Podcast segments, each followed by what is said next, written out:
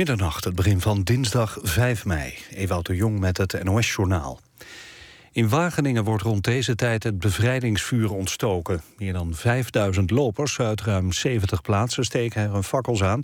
en brengen die in de vorm van een estafette naar hun eigen gemeente. En daarmee wordt Bevrijdingsdag ingeluid. In Amsterdam en op andere plaatsen in Nederland is de afgelopen avond twee minuten stilte gehouden voor alle oorlogsslachtoffers die sinds het uitbreken van de Tweede Wereldoorlog zijn omgekomen.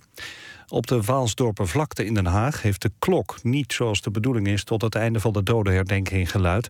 Even voor negen uur brak de klepel van de Bourdonklok en werd het stil. De grootste moslimorganisatie van de VS heeft de schietpartij in Texas... waar ook PVV-leider Wilders was, scherp veroordeeld. Volgens de Council on American Islamic Relations... is dergelijk geweld een grotere belediging voor de islam... dan welke cartoon dan ook. Bij de schietpartij op een bijeenkomst over de vrijheid van meningsuiting... raakte een beveiliger gewond. De twee schutters werden door de politie doodgeschoten. De politie heeft hun identiteit bekendgemaakt. Mogelijk waren het moslim-extremisten. De Verenigde Naties hebben een dringend beroep gedaan op Saoedi-Arabië... om de bombardementen op vliegvelden in Jemen te beëindigen. Door de aanhoudende luchtaanvallen is de aanvoer van hulpgoederen onmogelijk... omdat de landingsbanen kapot gebombardeerd zijn. De Nederlandse VN-gezant van der Klauw doet een oproep aan de Saoedische coalitie... om de vliegvelden en de havens van Jemen nu verder te ontzien... zodat hulp het land kan binnenkomen. De strijd in Jemen heeft de afgelopen zes weken aan zeker duizend mensen het leven gekost... onder wie ruim 500 burgers. Het weer, vanuit het zuiden overal regen en een stevige oostenwind. Minima vannacht rond 12 graden. Overdag wordt het al snel 19 graden aan de westkust tot 23 in het oosten. Daarna volgen buien met soms onweer, hagel en zware windstoten... en koelt het af naar 13 tot 16 graden. De wind draait naar het zuiden en blijft stevig. Dit was het NOS Journaal. NPO Radio 1. VPRO slapen.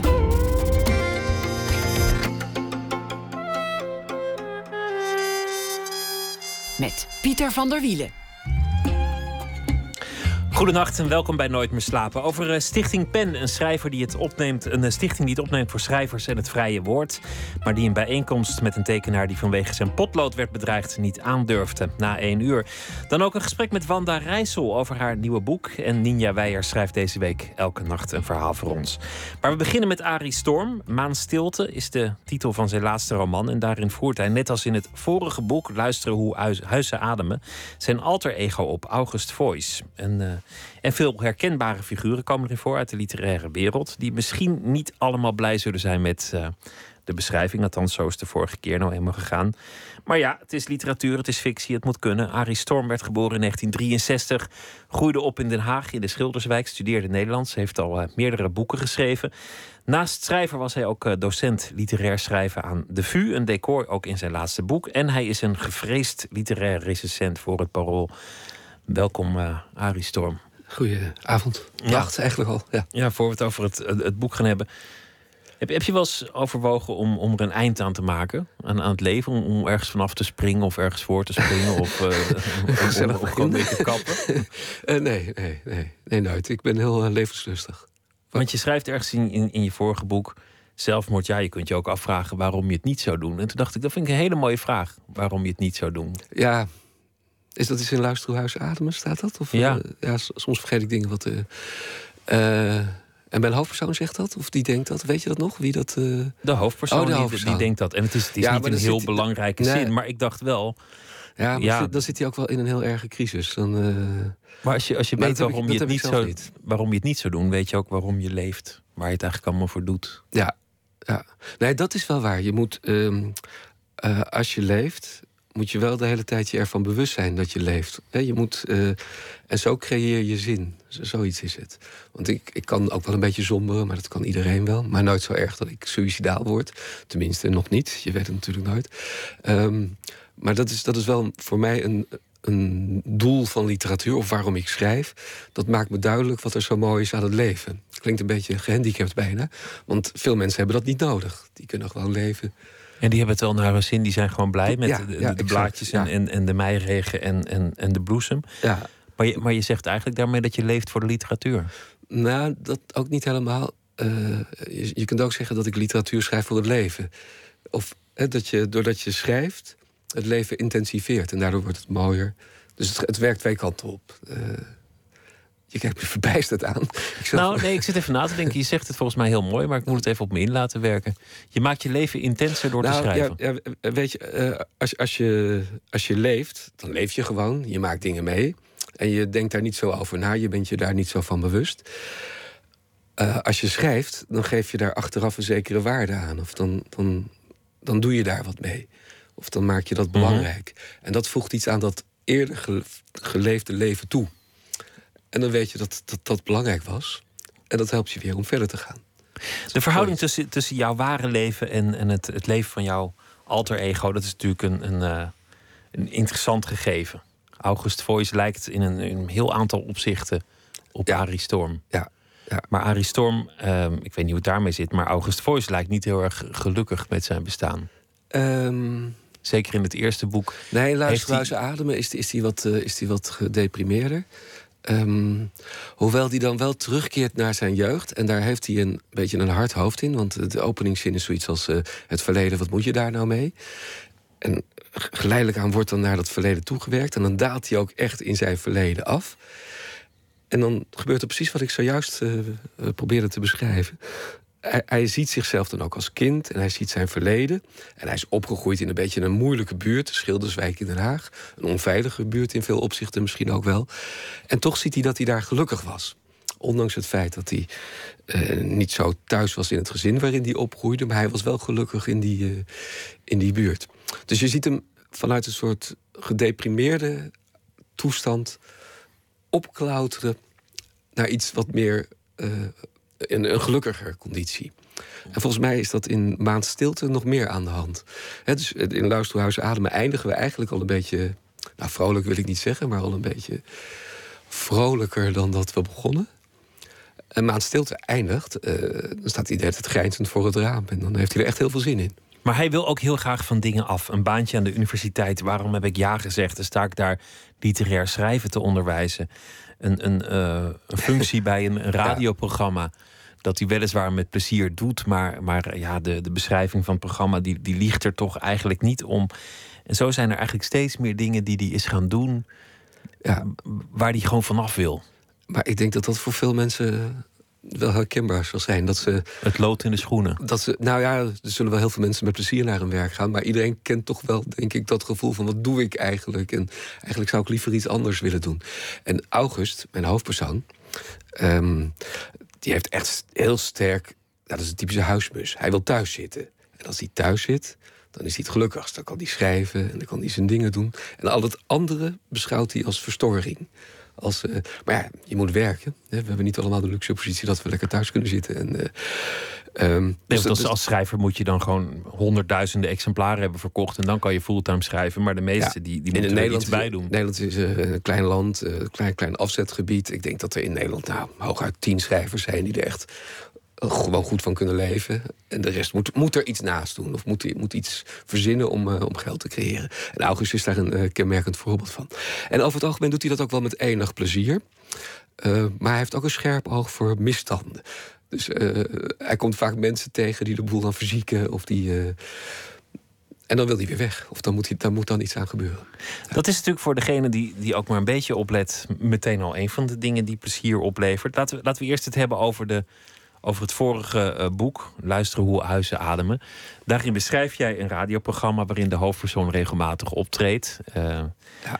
Nou ja, luisteraars herkennen daar wel de Tros Nieuwsshow in op zaterdagochtend, waar jij ook recensent was in het ware leven. Ja, dat heb ik eh, zes, zeven jaar gedaan of zoiets. Ja. En daarin beschrijf je een, een mannelijke presentator en een vrouwelijke presentator, waarbij de vrouw steeds probeert heel slim te lijken. Ja. En de man doet alsof hij nooit een boek leest, terwijl de verhouding in werkelijkheid precies andersom ligt. ja, zo staat het in het boek. Ja. En dat viel helemaal verkeerd, naar ik heb begrepen, bij Mieke van der Wij. Ja, nou, ik doe de Tros Nieuws Show niet meer. Hè, dus Nee. dat is, dus niet helemaal goed. Hoe is dat gegaan? Hebben ze, hebben ze gezegd, eh, eh, nou is het mooi geweest, opdonderen? Of jullie hebben nog een Nou, tijdje naast elkaar Nou, het, gezeten. het is eigenlijk een beetje een lang verhaal. Het is, eh, het is in twee fases gegaan.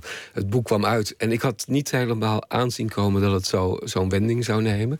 Want ik dacht dat het ook nog wel komisch gedaan was. En, nou ja, en je dat dacht, het, ach, geintje moet kunnen, het is literatuur, nou dat en het niet is, zo ook, wel. het is ook, het past ook in het geheel van het boek. dat mijn hoofdpersoon overal van af wil. Terwijl ik ben mijn hoofdpersoon niet. Ik deed dat radioprogramma met, uh, met het nodige plezier. Dus ik, ik, ik zit niet zo in elkaar als die hoofdpersoon. Dus die hoofdpersoon had gewoon een wat negatievere kijk op de wereld dan ik heb. En dat had hij niet alleen oh, wat betreft het radioprogramma, maar ook zijn baantje bij de universiteit. Nou, hij had allemaal dingen waar hij, uh, waar hij vanaf, vanaf wilde. Maar goed, Mieke heeft dat toch, Mieke van der Wij heeft dat toch verkeerd opgevat, of verkeerd op haar manier opgevat. En die wilde dat ik wegging. En nou, dat, e-, e-, eerst was er een eindredacteur die dat verhinderde. en toen kwam er een nieuwe eindredacteur, vier, vijf maanden later. En toen begon ze weer. En toen was het wel echt wel klaar. Ja. En intussen op het internet was iedereen druk bezig met te kijken hoe jullie uh, naast nou, elkaar dat was. Dat was, ja, nee, dat was het raarste eraan. Ik, zat toen, ik, ik kwam hier dus één keer in de drie weken, want we deden dat met z'n drieën. Uh, en uh, zij voerde altijd dat, dat boekengesprek, want dat vond ze ook leuk om te doen, hè, want ze is uh, gek op boeken, lezen. En uh, nou, dus dat deed ze altijd en daar hield ze mee op. Maar dat was nog niet het ergste. Dus Peter de Bien had dat gesprek over, dus dan voerde ik dat gesprek met Peter, want zij wilde niet meer met me praten. Maar ze deed ook een koptelefoon op. En ze luisterde ook niet meer naar me. Ik, ik, had ook het idee dat daar muziek op zat, maar dat weet ik niet helemaal zeker. maar ze, had, ze, ze negeerde me dus volledig. En, uh, dus de, de, de, situatie was niet meer uh, houdbaar. Dus, uh, ik kan me ergens ook wel voorstellen dat mensen het niet leuk vinden zichzelf te herkennen in een roman, in een negatieve beschrijving. Nee, dat, maar dat heb ik meteen gezegd. Bij, omdat, het, omdat er vier maanden tussen zat. Tussen dat ik het eerste gesprek had waarin ze zei dat ze kwaad was. En toen zei ik, nou dan moeten we het uitspreken en ik snap het. Maar toen besloten we allemaal dat ik doorging. Maar ja, dus oh, ja, zo gaan die dingen. Ja. Maar goed, nu het, het, het laatste boek, Baan Stilte. Ik... Uh, uh, ik meende vrij duidelijk. Kijk, normaal het, moet je literatuur ook literatuur laten. Maar soms dan zijn, is het wel zo duidelijk. Dan dacht ik, dit is Giphart. Die hier ja, volgens mij nee, op de korrel wordt genomen. En Elspeth is... Etty, die krijgt ja, ook ja, nou, heel, heel, kort gezegd. Of zal ik heel kort het, ja. het verhaal een beetje... of hoe ik op, op, het idee kwam om het boek te schrijven. Of, uh, ik heb gewerkt bij de, bij de Vrije Universiteit. En uh, uh, gereformeerde universiteit in, in Amsterdam. Um, en daar kwam ik 's ochtends aan om college te geven. En daar had je toen, ik geloof dat ze het nu de situatie een beetje veranderd hebben, maar op de begane grond zes liften. En er stonden ochtends zo'n, nou, ik schat 300 of 350 studenten zich te verdringen om die liften in te kunnen. Dus dat was, een, een groot spektakel. En ik was altijd, altijd een beetje, beetje te laat. Ja, niet echt te laat, maar hè, s ochtends vroeg om negen moest ik dan college geven of zo. Dus ik stond om vijf voor negen voor die lift. En ik zag de buil hangen dat ik niet op tijd op de elfde verdieping zou kunnen komen waar ik, uh, waar ik college zou geven. Uh, nou, en vaak word je geïnspireerd door de werkelijkheid. Dus ik dacht, stel nu dat al die studenten die lift in willen, want ze stonden ook echt te dringen en ze proberen ook die lift in te komen. En er gebeurt iets waardoor ze allemaal die lift niet in durven. Dus dat ze weer allemaal achteruit deinzen. Zodat ik daar, kan alleen maar een lijk zijn dat in die lift ligt. Dus de liftdeuren openen zich, al die studenten willen naar binnen. En ze deinzen allemaal weer terug. En mijn hoofdpersoon ziet nog net een uh, lichaam liggen. Een, uh, ja, een, uh, een vermoedelijk dood, dood iemand. Nou, iedereen deinst terug, de liftdeuren sluiten zich. Lift gaat naar beneden, de lift komt weer omhoog. Deuren openen zich, lijk is weg.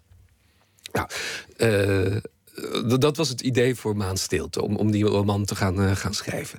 Daarna heb ik dat ingevuld. Ik heb, in het boek noem ik het niet de Vrije Universiteit, heb ik het een neutralere universiteit van gemaakt, want dat doe je dan hè, in, uh, in fictie. Maar ik heb wel allemaal kleine dingen uit de werkelijkheid in het boek verwerkt. Gippert is een tijdje daar gastschrijver geweest.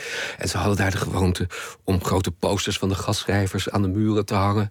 Uh, Elspeth Etty was er. Dat een ander iemand die in het begin meteen. Uh... En je, je, noemt hem dan een. Je, je, je, beschrijft het als een, een, schrijver die kinderlijk is gebleven, omdat dat zijn succes nou eenmaal heeft bepaald, maar dat hij inmiddels al lang niet meer kinderlijk is. En dan geef je ook wat beschrijvingen van het uiterlijk. Ja, nou, wat, wat, wat uh, Gippert debuteerde in het begin van de jaren negentig. Als ik. Uh, 1992, denk ik. Of piepjong was hij toen, ja. Nou, toen was hij, al, was hij wel jong, maar niet piepjong. Het was geen... 25 of zo, 26? Ja, ik weet het, hij is iets jonger dan ik, geloof ik. Maar nou, dat, dat doet er niet zo heel veel toe. Maar toen schreef hij een soort studenticoze literatuur. En toen dacht ik al, met vooruitziende blik, nee die, die, jongen moet zich wel ontwikkelen. Want, uh, en zijn publiek moet zich met, met hem mee gaan ontwikkelen. En toen stelde ik me voor dat. Uh, en het maakt nog niet eens zoveel uit of dat met Gibbert wel of niet echt gebeurd is. In mijn boek gebeurt dat in ieder geval met de schrijver die ik erin opvoer. Stel dat je altijd dat soort kinderachtige boeken blijft schrijven, zoals waarmee hij toen debuteerde. En je publiek is, is lang en, verder gegaan. Precies, en je publiek is verder gegaan. En de jonge mensen, de, de, de, de twintigers van nu, ja, die, dat heb je altijd als je, als je 50 bent en je, en je gaat jonge mensentaal gebruiken. Dat doe je verkeerd. Je hebt precies het verkeerde. Hè? Je zegt vet terwijl het cool moet zijn. Of nou, je, je zit er altijd naast. En ik dacht, dat zou heel tragisch zijn. Dus ik, ik had zo'n schrijver nodig in mijn boek die, uh, die gewoon nog deed wat hij altijd al deed. Maar zelf ouder wordt en al het contact met zijn doelgroep verliest. Dus eigenlijk zocht je een fictief personage en dacht je, nou ja, dan, dan gebruik ik daar Giphard voor. Dus niet andersom vaak, Ja, precies. Maar vaak gebruik je de werkelijkheid om fictie uh, te creëren. Het is niet zo dat je denkt, ik ga een roman schrijven over misstanden aan, eh, aan het universiteit, aan de, in de universitaire wereld van Nederland. Of een roman over de Haagse corruptie of zoiets. Je neemt vaak iets heel concreets, wat je hebt gezien, een beeld, iets wat je hebt meegemaakt. En daarop baseer je volgens mij een roman. Of, eh, zo, zo werkt het vaak. En daarmee maak je ook duidelijk waarom deze hoofdpersoon de literaire wereld beu is.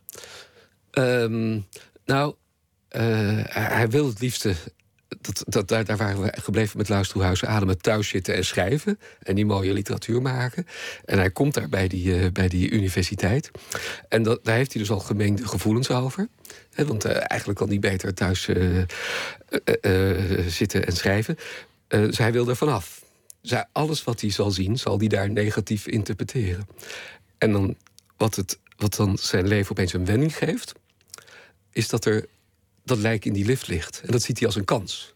nu, nu gaat het goed worden. Dat klinkt een beetje raar, want een lijk is natuurlijk niet goed in de lift. Een kans om weg te komen of een kans om zijn leven weer wat, wat show te geven? Nou, uh, toen ik dat idee had, knoop, toen knoopte ik er een tweede idee aan vast. Ik dacht, um, stel dat je, dat je niet gelukkig bent in je leven... dan kun je denken dat als er bepaalde mensen uit je leven verdwijnen... dat het beter zal gaan. Dat, uh, je onvrede kan zich richten op een collega, zoals in dit geval. Ja, of, ja. of op, op, een, uh, op een schoonmoeder, die komt er ook nog ergens uh, op, in langs. Op een dodenlijst trouwens. Ja, nou ja, Gerard Reven, die, daar had ik een keer van gehoord. Dat hij s'avonds ging, ging hij naar boven, naar zijn werkkamer. En dan zei hij tegen Joop, Joop Schafthuizen, zijn, zijn, zijn partner... ik ga even wat doodvonnissen opstellen.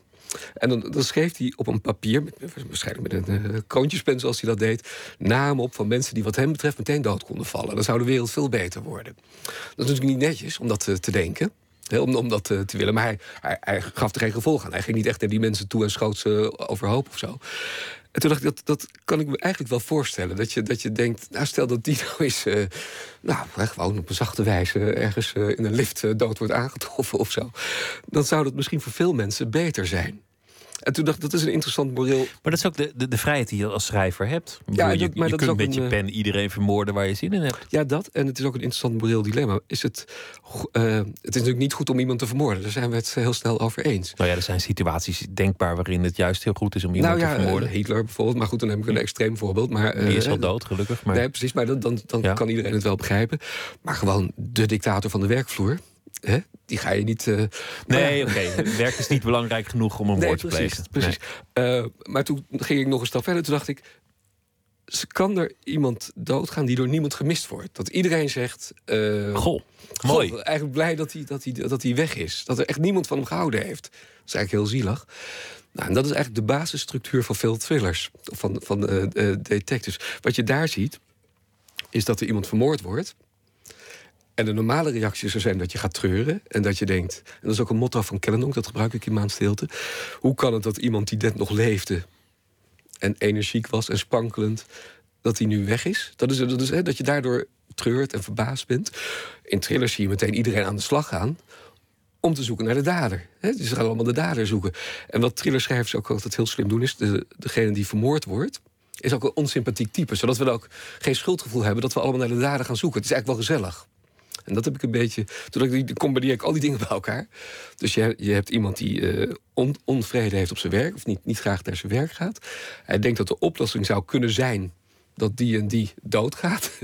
Uh, dat moet dan ook een ongeliefd persoon zijn. En bovendien wordt het dan nog gezelliger, want we kunnen met z'n allen op zoek gaan naar de dader. En hij bevrijdt zichzelf. Normaal is jouw taak om, om, een, om een boek dan samen te vatten en aan te prijzen. Dan ga ik het gewoon doen. Dan zeggen dat het, dat het zich laat lezen als een. Als een tweede deel van een trilogie. Luisteren hoe huis ademen en daarna uh, Maan stilte. En dat alle elementen uh, van, van een thriller en dan science fiction... en dan een sleutelroman en een autobiografisch boek zich uh, opvolgen.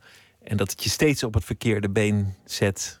heel geestig. En um, lees daarom ook ontzettend leuk. Maar we gaan nu luisteren naar Blur met My Korte Hart... want ik wil daarna over heel veel andere dingen hebben.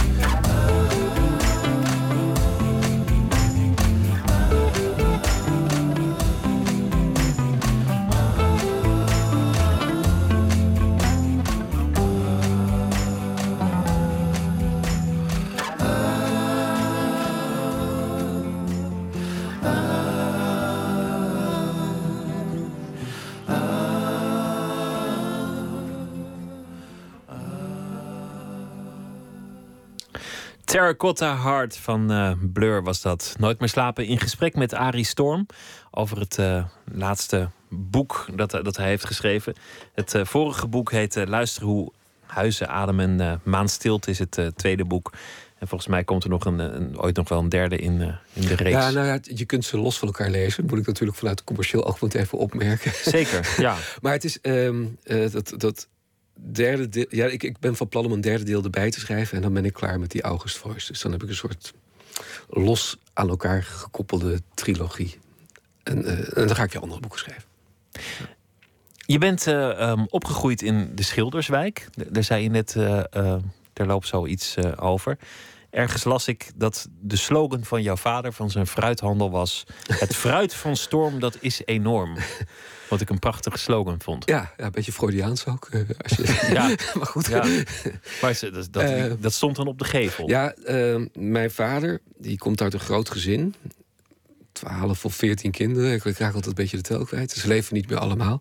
En eh, ze, ze zitten ook allemaal, of zaten allemaal, in de groentebusiness of in de tuinderijen. Uh, ik ben geboren in de, in de Schilderswijk in Den Haag. Mijn vader komt uit het Westland. En uh, ik had ook allemaal ooms. Oom Huip en oom Rien. En die zaten ook allemaal in die, in die groente. En die hadden allemaal diezelfde kreet. het fruit van storm, dat is enorm. En dat hadden ze ook op vrachtwagens... waar bananen in vervoerd werden of weet ik wat ze daarmee deden. Daar stond het ook heel groot op. En ja, het is wel... Ja, moet ik eigenlijk op de boeken ook zetten. Een, een fruitfamilie, kortom. De Schilderswijk toen, dat was, was nog iets meer een volkswijk dan nu. Want nu is het ontzettend vaak in het nieuws, omdat het een enorm multicultureel is geworden. En, en, dat wil allemaal niet helemaal lukken. En uh, nou ja, laat ik me daar niet in mengen. Maar goed, de andere buurt dan toen jij erop groeide. Ja, nou, ik ben geboren in 1963, dus ik ben jaren 60, jaren 70 daar opgegroeid.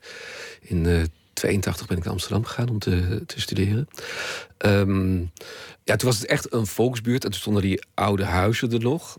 En uh, wat ik uh, met terugwerkende kracht grappig of interessant vind aan die buurt is dat die mensen daar die rare huizen hadden. Of die waren bedoeld als gelijkvormig. Dus iedereen had hetzelfde soort huis. Maar iedereen begon er dingen aan te bouwen. Een verdiepingje erop en een, een, een schuur erachter en uh, iets ervoor. Dus die wijk die veranderde helemaal van karakter. En als ik bij de buurman uh, naar binnen stapte, dan kwam ik in een heel ander huis terecht. Aanvankelijk was de bedoeling dat iedereen in dezelfde soort huizen, uh, in hetzelfde soort huis. en dan liefst zonder vergunning, naar ik aanneem. Ja, nee, want dat, daar waren ze trots op in de, in de Schilderswijk. Dat alles zonder vergunning ging. En het was ook zo, dat was ook zo uh, als iemand een officiële baan had, werd hij een beetje uitgelachen. Of dan maakte hij je niet populair in de buurt. Ik herinner me, dat doe ik iets mee in Luisterhuizen Ademen... dat uh, mijn beste vriendje in de straat... zijn vader ging elke ochtend naar Delft. Daar werkte hij geloof ik bij de pindakaasfabriek. Uh, als een soort laborant of zo, ik, ik weet het niet zeker. Maar uh, dat vond iedereen schandalig. Dat hij uh, keurig om acht uur in zijn auto stapte en naar zijn werk ging. En dat had hij op een gegeven moment opgevangen door een zo'n witte laboratoriumjas aan te doen. Was hij een soort dokter. Hè? En dan kon het wel weer. Dan had hij het helemaal gemaakt. Maar het was niet de bedoeling eigenlijk. Mijn vader was groenteboer, maar dat was. Nou ja, dat had je dan nodig. Maar je steeg er niet mee in aanzien als je echt een baan had. Kortom, een, een beetje anarchisme, maar tegelijk ook ergens wel weer ontzag voor de hoge heren als iemand dan dokter was. Dan, dan was het dan toch. Ja, ja, ja, nou ja, dat was zo far beyond het voorstelbare. Dat was, uh, dus uh, daar, daar scoorde je dan wel weer, uh, weer mee. Je vader is niet zijn hele leven in het fruit blijven werken, maar had op een zeker ogenblik ook een denksportcafé. Ja, nou hij is, hij is toen min of meer, hij is een keer bewusteloos gevallen terwijl hij een kilo appels verkocht. En toen is hij, geloof ik, arbeidsongeschikt verklaard. Die appels vielen op zijn hoofd? Of nou, wat gebeurde? Nee, hij, hij stond bij en toen is hij flauw. En ik, als kind begreep ik ook nooit goed wat mijn vader had. Ik, ik hoorde altijd zeggen dat hij iets had. En, ik, epileptische aanvallen dacht ik nog, maar dat is het ook niet geweest. Maar goed, uh, toen heeft hij die groentewinkel, daar is hij mee gestopt. En toen is hij uh, ja, een, een, denk, een illegaal denksportcafé. Ik denk dat ik het nu wel kan zeggen dat het, dat het nu wel verjaard is. Zeg maar. Een soort illegaal denksportcafé is die begonnen. Dat betekende dat uh, bij ons thuis werden er uh, niet schaken, want dat was fysiek, maar damtoernooien georganiseerd. Dus er kwamen dammers bij ons thuis en die speelden een dampartij. En jaren zeventig, uh, die dronken ook heel veel. Ik geloof dat ze tijdens die partij al, uh, al begonnen. Het werd een soort café eigenlijk. En heel veel roken natuurlijk. Ro ja, mijn, uh, mijn slaapkamertje was achter de keuken. Waar ze allemaal uh, dronken en rookten. En dat was allemaal niet goed geïsoleerd. Dus ik, ik ben misschien vandaar mijn stem ook. Uh, ja, ik heb daar tot mijn 17e of 18e uh, gelegen.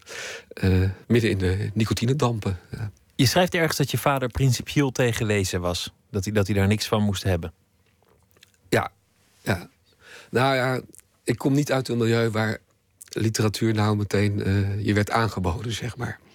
Um, um, nou ja. Maar tegen zijn wil zelf zeggen dat, dat, dat ze het liever niet hadden. Nou, je, je hebt eigenlijk twee werelden. Uh, ja, mijn vader is wel een beetje een rare man hoor. Want uh, aan de ene kant uh, is het geen intellectueel. En heeft hij geen, geen noemenswaardige opleiding gehad.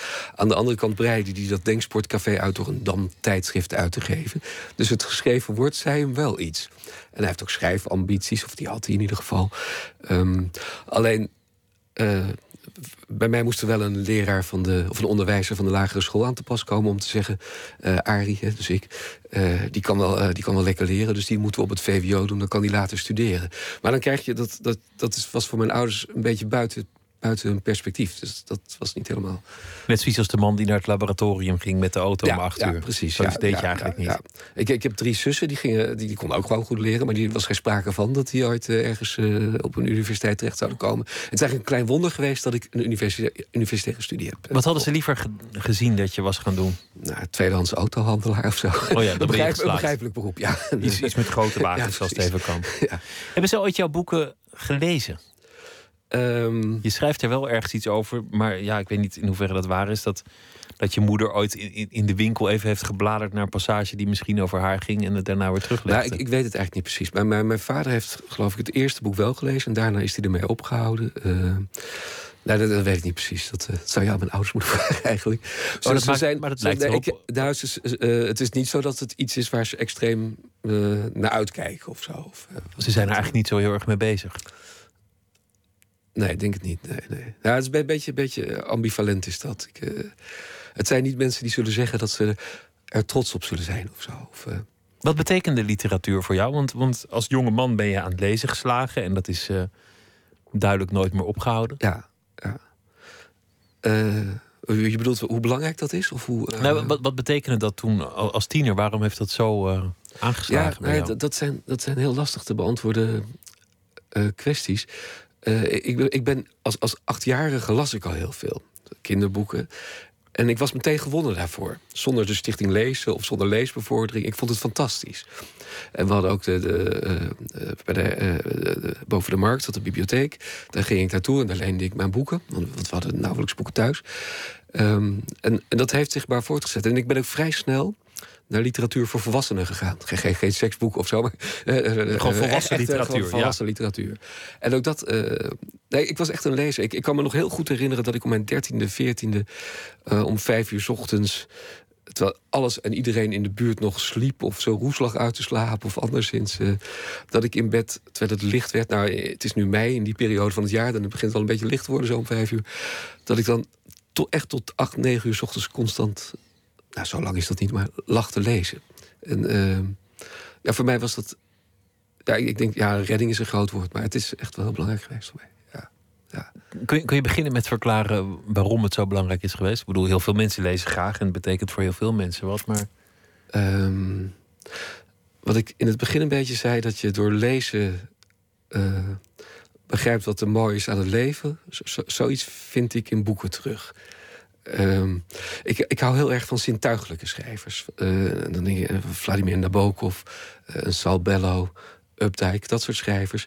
Die ehm, niet zozeer veelzeggende details gebruiken. Dus details waarbij je dan even een wenkbrauw moet optrekken en, en denkt van, oh, zit het zo? Maar die heel erg veel levendige details gebruiken. Alles beweegt in die boeken. Alles.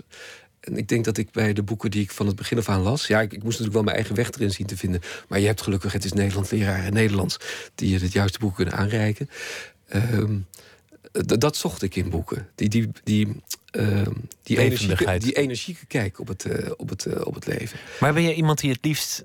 Want je zei eerder, ja, eh, je hoofdpersoon wil het liefst de hele dag thuis zitten en, en, en schrijven. Maar dat geldt dan waarschijnlijk ook voor deze. Zou jij het liefst binnen zitten in, in je appartement? Nou, eh, eh, in uh, Luisterhuizen Ademen schrijf ik op een gegeven moment... of dat begint met een scène dat de hoofdpersoon zich voorstelt...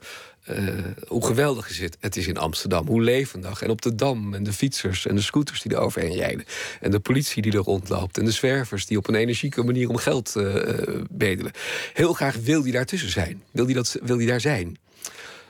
Maar hij vindt het eigenlijk nog mooier om erover na te denken en zich dat voor te stellen en dat op te schrijven. Wat niet wegneemt dat ik wel graag in de stad wandel en, en buiten kom. Dus ik, ik zoek die meute wel op. Um, en maar, maar uh, het, het, gevoel dat ik, er, dat ik echt leef, heb ik dan toch weer thuis. Uh, dat zit ook een beetje, want de titel, gaat over andere dingen, maar dat zit ook al een beetje in die titel. Luisteren hoe huizen ademen. Dat, dat je zoveel thuis bent dat je, dat je elke leiding hoort piepen. Ja, nou, dat is een ander.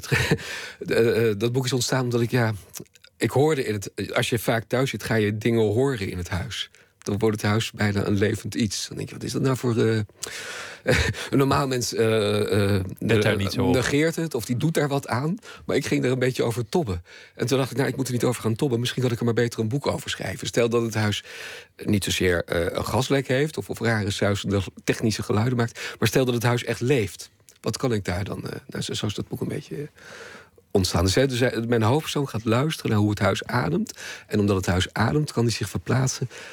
naar een ander huis in zijn verleden... dat, ja, dat, dat diezelfde ademhaling heeft. Dat komt ook tamelijk introvert over. Iemand die, die thuis naar zijn huis zit te luisteren en die het, het leven pas echt de moeite waard vindt als het, als het op papier tot leven nou, komt. Ik, ik, ik, ik ben een beetje beducht ervoor me niet hier als eh, totale krankzinnige Nee, nee, nee. Ik, ik ben een plaatje aan het schilderen hoor, pas op. Nee, eh, maar ik denk wel dat als je, als je schrijft, dan, eh, dan moet je wel een beetje introvert zijn. Je, moet- je moet wel tegen kunnen om lang alleen te zijn. Ik kan wel goed eh, lang alleen achter mijn computer zitten of met een schriftje of in een boek eh, bladerend. Als je, als je dat niet kan, nou, dan heeft het niet zo heel veel zin om schrijver te worden. Dan, word je er niet heel gelukkig van, Nee, vermoed ik. Nee. En ik, dat is wel, ik, ben, ik vind schrijven leuk, echt. Ik vind het echt. Dus het is niet eh, vanuit een diepe kwelling dat ik dat doe. Of, en natuurlijk, ik zit ook wel eens vast en dan lukt het niet. Maar eh, meestal vermaak ik me heel goed terwijl ik schrijf. Dat lees ik er ook in terug, dat plezier. Bepaalde scènes worden neergezet en, en technisch worden uitgewerkt. Moeilijke dingen van tijdreizen en verschillende perspectieven. Dat, dat- daar, daar is echt met plezier aan, aan, aan Ja, gesleuteld. ik vind het ook leuk om erover na te denken. Want soms eh, eh, heb je jezelf vastgeschreven of denk je, hoe moet dat nou verder? En daar raak ik niet van in paniek. Ik, ik, ik, ik loop er dan mee rond en ik, ik denk er wat over. En dan kom ik er. Ik weet dat het altijd wel goed komt. Tenminste, tot nu toe is het altijd goed gekomen. En ik vind het ook leuk om oplossingen dan te bedenken. Dus Je vader heb je in, in een van je vorige boeken laten overlijden. ja, dat was het boek Gevoel. Ja. Maar hij, hij leeft nog, toch? Hij leeft nog, ja, ja. ja ik geloof nog net, maar nee, hij leeft nog, ja. Ehm, nou ja, eh, wa- wat, wat je doet als schrijver, tenminste wat ik doe als schrijver, is vaak je iets voorstellen uit de werkelijkheid. Eh, Dus ik zei net al, je, je, je gebruikt niet een of ander heel groot thema of iets, want dat is te groot. Ehm, ik, ik- bij dat boek stelde ik me voor dat, eh, stel dat je eh, eh, niet zoveel van je, van, je, van je ouders houdt, van je vader houdt. En je zegt het ook tegen iedereen. Hè, dat, nou, is gek, hè, daar heb ik niks mee, een vreselijke man. En die man komt dan te overlijden, dan heb je er ook geen profijt van. Dan kun je ook niet opeens gaan zitten treuren. Want dan zegt iedereen tegen ja, je vond het toch altijd, hè, wees opgelucht, hij is dood. Je vond het toch altijd te gek. En toen dacht ik, het is wel interessant om een personage te hebben dat die bui al ziet hangen. En dat aan anderen doet voorkomen dat hij het wel erg zal vinden dat zijn vader komt te overlijden. Eigenlijk, eigenlijk beschrijf je in dat boek een man die op zoek moet naar zijn gevoel. Een, Ja, een man die, heet het ook gevoel, die moet, precies, moet ja, leren ja. wat het is om Ja. gevoelens te hebben en, en- en die te uiten. En Ja, en doordat hij op zoek gaat naar zijn gevoel, krijgt hij het ook. En iets, iets meer dan hij eigenlijk eh, hoopt. dan waar hij om gevraagd Ja, had. dus het het- wordt ineens een enorm sentimenteel type. Nou, sentimenteel, maar in ieder geval eh, eh, raakt hij er opeens wel behoorlijk door van slag. Dus iets wat hij makkelijk aandacht te kunnen. Mijn vader gaat dood en ik kan wel een beetje toneel spelen. Net toen of ik dat erg vind. En dan heb ik er de, de, de baten van me niet te lasten. Eh, dat loopt een beetje uit de hand. Want op een gegeven moment heeft hij er wel degelijk de lasten van. En dan denkt hij, ik vind dat echt heel erg. Maar hoe is het om, om, je, om je vader op papier dood te verklaren en dat, dat helemaal uit te werken hoe dat dan zou gaan? en de, de, de begrafenis en de bloemen en, en de muziek. Ja, Terwijl de man nog in Den Haag zit. Ehm, nou, ik- eh, dat was, eh, er was toen een VPRO radioprogramma had je toen van Wim Noordhoek. Hoe heet dat nou? Music Hall. Ja. En eh, eh, eh, ken je Wim? Of, eh, Ja, ja, ja, ja. ja. Nou, die, die, die belde dan, dan mocht ik af en toe voorlezen. En dan, dan las ik vaak een grappig iets voor. Een grappig verhaal of een scène of iets. En toen zei ik, ja, ik heb het eigenlijk veel te druk. Ik ben met een roman bezig over een man die, eh, wiens vader ook komt te overlijden. En toen zei Wim, nou, dan lees je daar een stuk, eh, stuk uit voor. En toen eh, ging ik daar zitten. En dat werd met publiek opgenomen, die, dat, dat eh, programma in Amsterdam.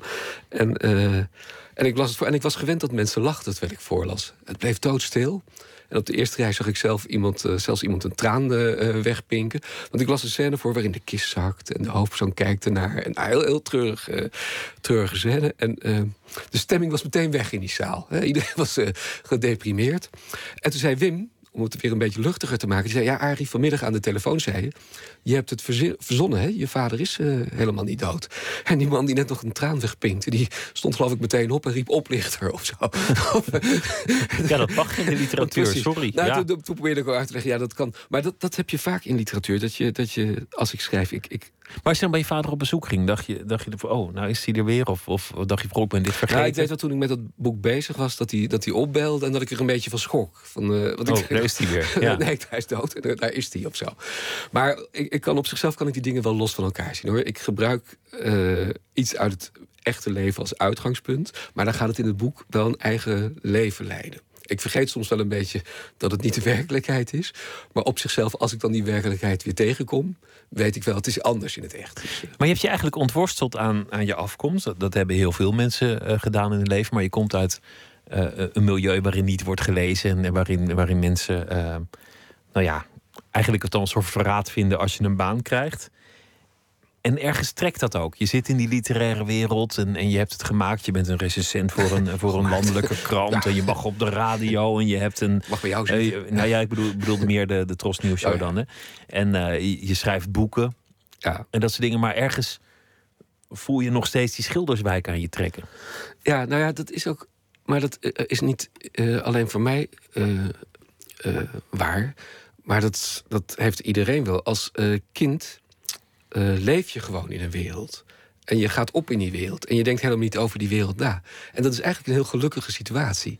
Want dat is gewoon hoe het is en dat is het decor. eh, eh, mensen zeggen vaak dat kinderen zo. eh, dat wat goed aan kinderen eh, is, is dat ze zo zich kunnen verbazen over de wereld. Ik denk dat het helemaal niet waar is. Eh, als, je, als je een kind, ja, misschien ook wel, maar, maar als je een kind bent, ben je juist niet verbaasd over de wereld, maar je bent gewoon in die wereld. Je is er gewoon.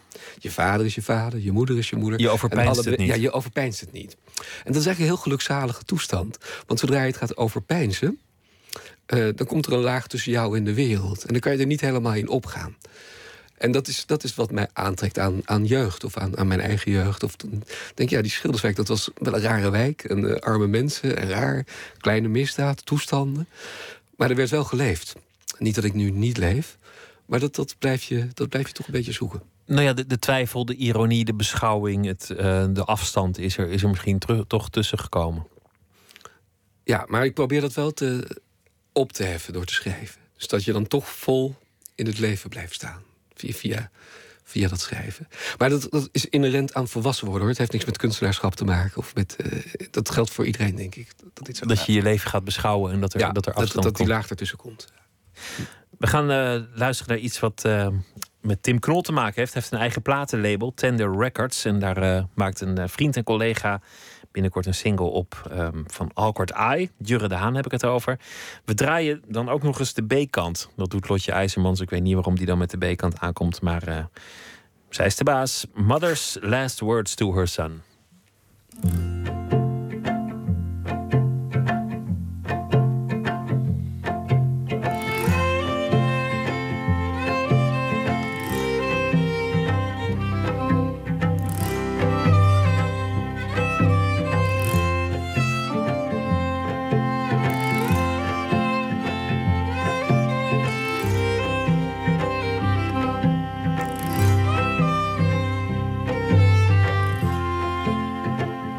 I never can forget the day when my dear mother sweetly said, You are leaving, my darling boy. You always have been your mother's joy. And now, as you leave in this world to roam, you may not be able to get back home. But remember Jesus, who lives on high, who's watching over you with a mighty eye. Cause the world is so full of old sin and woe and many sorrows everywhere. Just remember Jesus is everywhere.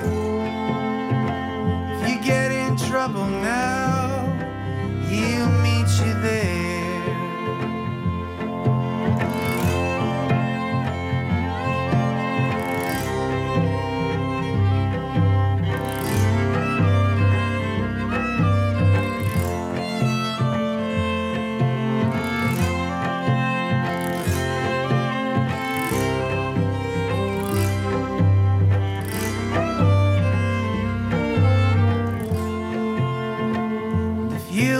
Down before his face and trust in him for his saving grace. Now, if you have a burden,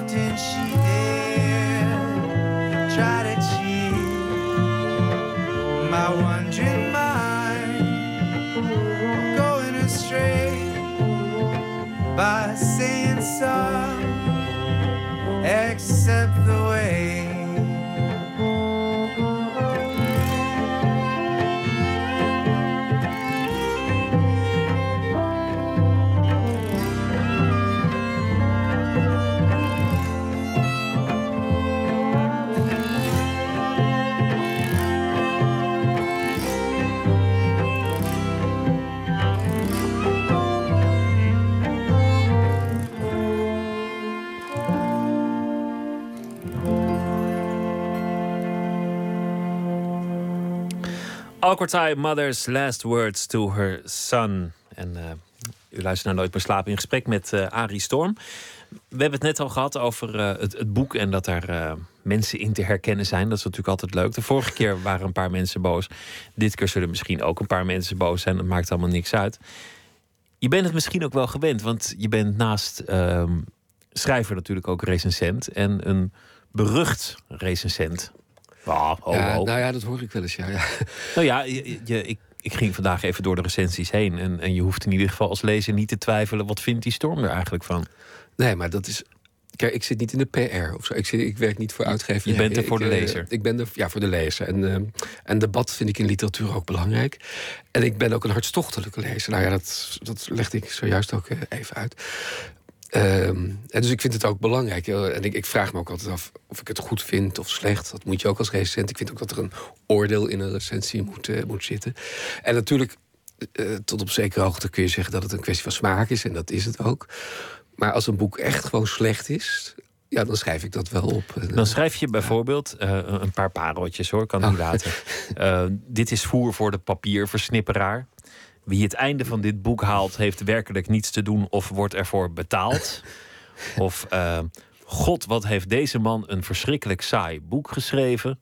Dit doe je uit je hoofd, hè? Want ik- Ja, dit gaat moeilijk, maar het, het zijn allemaal citaten die, die, die- en ik zou er veel meer kunnen noemen. En wat helemaal leuk is, is dat je af en toe echt ook het tapijt onder mensen hun voeten vandaan trekt en eigenlijk meteen het hele oeuvre nou, eh, eh, ik vind ook dat je een boek in het oeuvre van de auteur moet plaatsen. En als je Dus het kan vindt, altijd, het kan altijd dat ja. iemand een keer een wat minder boek schrijft. Of dat het hè, wat, wat ongelukkig eh, is uitgepakt eh, deze keer. Dus dan ga ik kijken of die, voor zover ik dat oeuvre al niet ken... eh, hoe die dat eerder gedaan heeft. Of dat het een incident is, of dat het gewoon een voortdurende brokkelpiloot is. Ehm, Hoe maar- reageren mensen? Heb je, heb je wel eens een glas wijn in je gezicht gekregen? Ja, eh, eh, nou ja, ik heb wel eens gezegd dat ik eigenlijk niet naar het boekenbal kan. Ja, ik kan er wel heen, maar er loopt altijd wel iemand rond en ik moet altijd goed oppassen, want voor je het weet gooi je ze. Is, Nou, dat, nou, is dat echt zo? ja, dat, is, dat, dat, gebeurt. Maar het is niet zo, ik, hoef geen kogelvrij vest aan, hoop ik. Of dat is nog niet... eh, Maar, maar mensen worden wel naak aan en Nee, maar dat is ook logisch. Als, als, als, als, als, ik een boek negatief, als mijn boek negatief besproken wordt, vind ik dat ook niet, zit ik er ook niet op te wachten. Alleen ik, ik zeg niks tegen de recensent. Ik, ik, ik probeer niks te, te laten merken. Maar ik kan heel goed me voorstellen dat mensen boos worden als je, als je ze negatief. Ja, dat is een.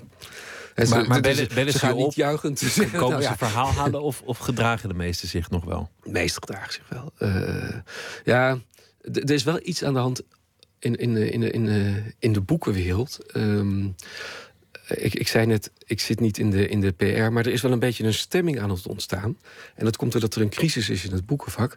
Dat we allemaal samen in dezelfde boot zitten. Laten we niet dan ook nog elkaar gaan afkammen. Precies, dus we zijn allemaal voor het boek. We vinden allemaal lezen belangrijk. Dus we gaan ook alleen maar positieve dingen over lezen zeggen. En ik snap wel waar dat vandaan komt. En het is ook crisis in het boekenvak. En ik leef ook mee met de schrijvers en de boekhandelaren. Ik, ik heb zelf belang bij schrijven en, en bij de boekhandelaren dat die goed, eh, goed eh, verkopen. Maar uiteindelijk denk ik dat dat een doodlopende weg is. Want wat de dood in de pot is voor literatuur, is als er geen discussie over is. Als je, als je dat debat niet voert. Wat is goed, wat is slecht? Wat vind jij mooi, wat vind ik mooi? Ehm, dat is een beetje, beetje, een beetje flauw voorbeeld misschien, maar je ziet het bij de Wereldtijd hoor, bij het boeken, boekverkoperspanel dat vindt gewoon alles mooi wat ze daar in de lucht houden. Ik vind dit panel trouwens iets beter dan het vorige panel hoor. Iets, uh, ze hebben een mooie nou ja, het is ook een opvatting. Er zijn ook recensenten, ook in, in, in andere takken, die, die zeggen: als ik iets niet goed vind, dan recenseer ik het niet. Ik, ik ben een soort ja. uh, postillon d'amour die alles ja, aanprijst. Maar, maar, dan krijg je niet dat, dat. Dan krijg je geen kleur in je recensies. Dan ben je gewoon altijd die gek die alles mooi vindt. Uh, dus, dan ben je een blij ei. Ja, precies. Dat ten eerste. En ten tweede, dan. Kijk, dan geef je vrij baan aan, aan de, de nitwits en de, en, de, en de omhooggevallenen. En de, je moet iemand hebben die die schifting maakt. Je moet die zeikert blijven zijn.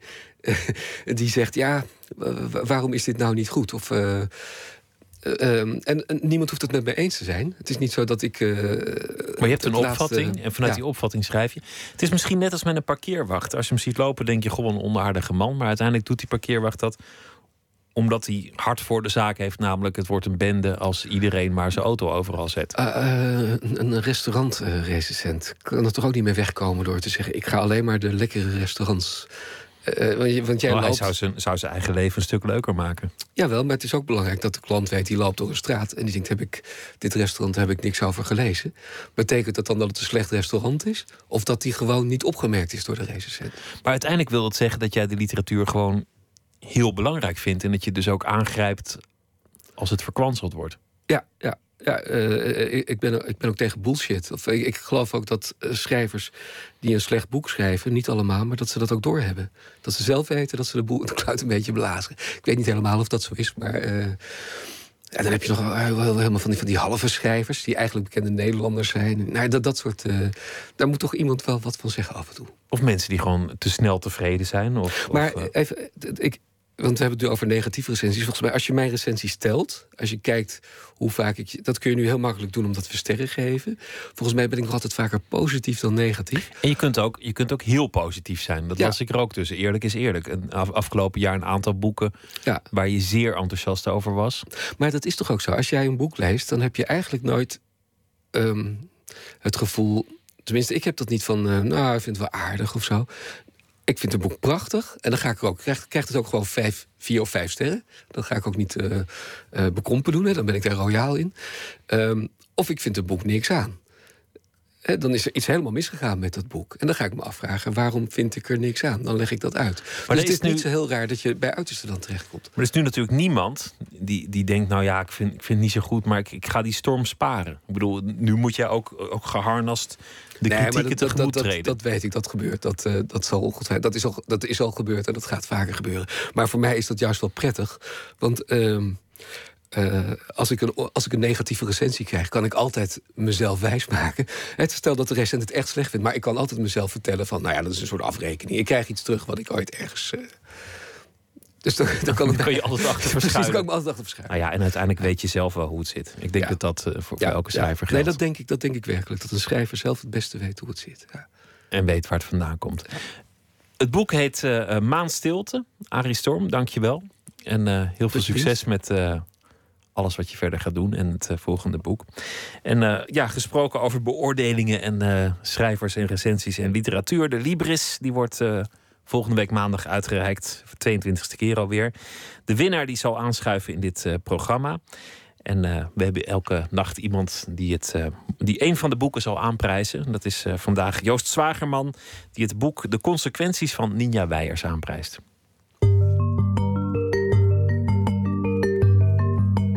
Haar hart was als een razende tekeer gegaan toen ze tegenover Abramovic plaatsnam, die haar ogen pas opende toen Minnie goed en wel zat. De eerste minuut was haast ondraaglijk geweest, maar na een tijdje vertraagde haar hartslag, verdween de compulsieve neiging om heel hard te gaan schreeuwen, lachen, huilen en veranderde het gezicht van Abramovic in een abstractie.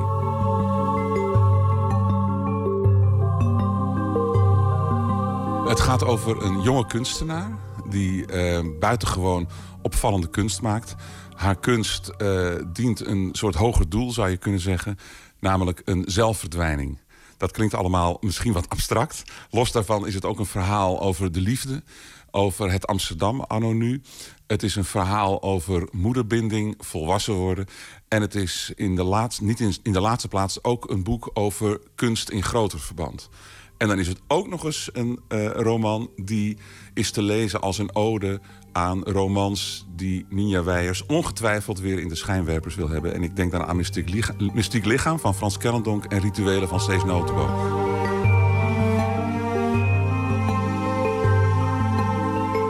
Harry Mulisch heeft eens een keer gezegd over uh, op een vraag over de verschillende lagen in uh, zijn boek De Aanslag.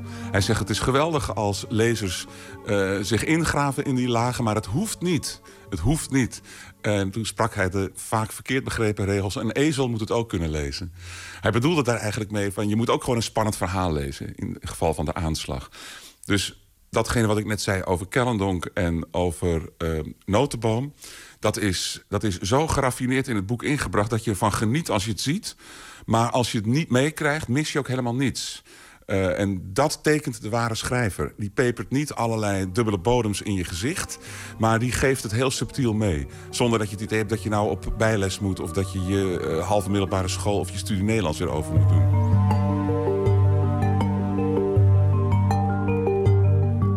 Uh, wat mij vervolgens treft aan het boek... is, de, is het enorme raffinement en ja, de sierlijkheid... waarmee Minnie Panes in het boek ook zichzelf als het ware... in al haar bescheidenheid familie laat zijn van diverse kunstenaars. Ze woont een keer een performance van Abramovic bij. Het enige wat Abramovic deed in het MoMA in New York... en het werd bezocht door honderdduizenden mensen... was stilzitten en kijken naar degene die tegenover je zit gedurende een tijd dat diegene zelf mag bepalen. Dat lijkt heel makkelijk, maar het is natuurlijk verdomde moeilijk. Zeker als er duizenden mensen om je heen staan. Een van die personen is Minnie Panes in het boek. Die zit tegenover Abramovic. En ik zal niet alles verklappen, maar het is zo niet van alles beslissende... Uh, uh, het is niet zo niet alles beslissend, die ontmoeting... als wel heel veelzeggend in het boek.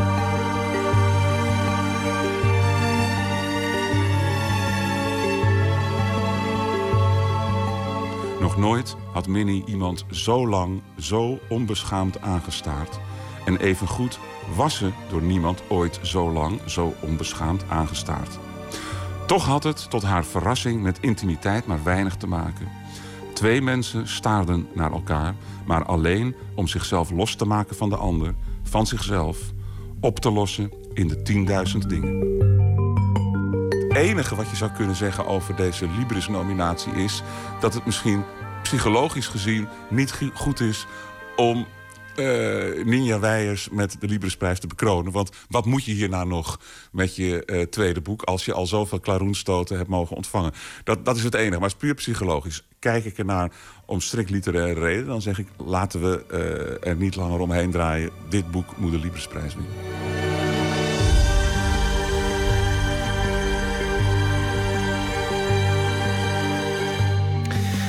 Joost Zwagerman die nam het op voor uh, Ninja Weijers debuut De Consequenties. Een van de zes genomineerde boeken voor de Libris Literatuurprijs. En straks dan uh, bellen we met Ninja Weijers, want ze heeft een uh, beschouwing bij de afgelopen dag geschreven. Arie Storm, durf jij eigenlijk één boek te kiezen voor die Libris? Heb jij Ja. een favoriet? Gustav Peek, dat is het allerbeste boek van die eh godin Held. Ja. Dat, eh, dat, dat seksboek achterstevoren geschreven. Ja, ik ga een beetje ja, kort voor de seksboek, dat, bocht. eh, dan, Ja, er komt dan veel seks in voor. beetje. Ja, dat komt, maar dat is toch niet erg? Of, Nee, als dat is- goed gedaan dat is juist dan, goed. ja. Juist Nee, maar dat, weet je wat het is? Het is een schrijver die zich ontwikkeld heeft. Het is, zeg ik aan mijn hoofd, zijn vierde roman. En je ziet dat alles in dit boek, dat hij het kan. Dat hij, dat, hij doet iets met de vorm. het is hartstochtelijk. Ja, nee, dit is echt... als de jury serieus genomen wil worden, dan wint dit boek. Kijk, dat is een aanprijzing. Als je als jury serieus genomen wil worden, dan eh, kies je dat eh, boek. Nou, zometeen eh, bellen we met Ninja Weijers, een andere genomineerde. En maandag de winnaar te gast in Nooit meer slapen vanuit het Amstel Hotel in Amsterdam. Twitter, het VPRO NMS of via de mail nooit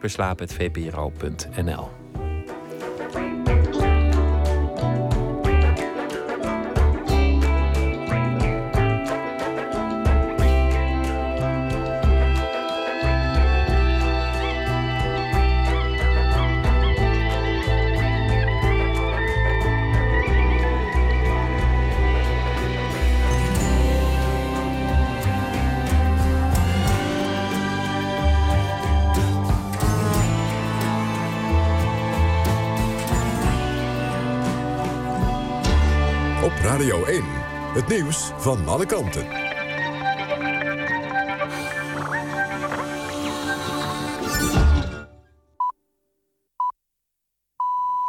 1 uur, Ewout de Jong met het NOS-journaal. In Wageningen is om middernacht het bevrijdingsvuur ontstoken. Meer dan 5000 lopers uit ruim 70 plaatsen brengen het vuur met fakkels... in de vorm van een estafette naar hun eigen gemeente. Daarmee wordt Bevrijdingsdag ingeluid. In heel Nederland, waaronder op de Dam in Amsterdam... is de afgelopen avond twee minuten stilte gehouden... voor alle oorlogsslachtoffers die sinds het uitbreken van de Tweede Wereldoorlog zijn omgekomen.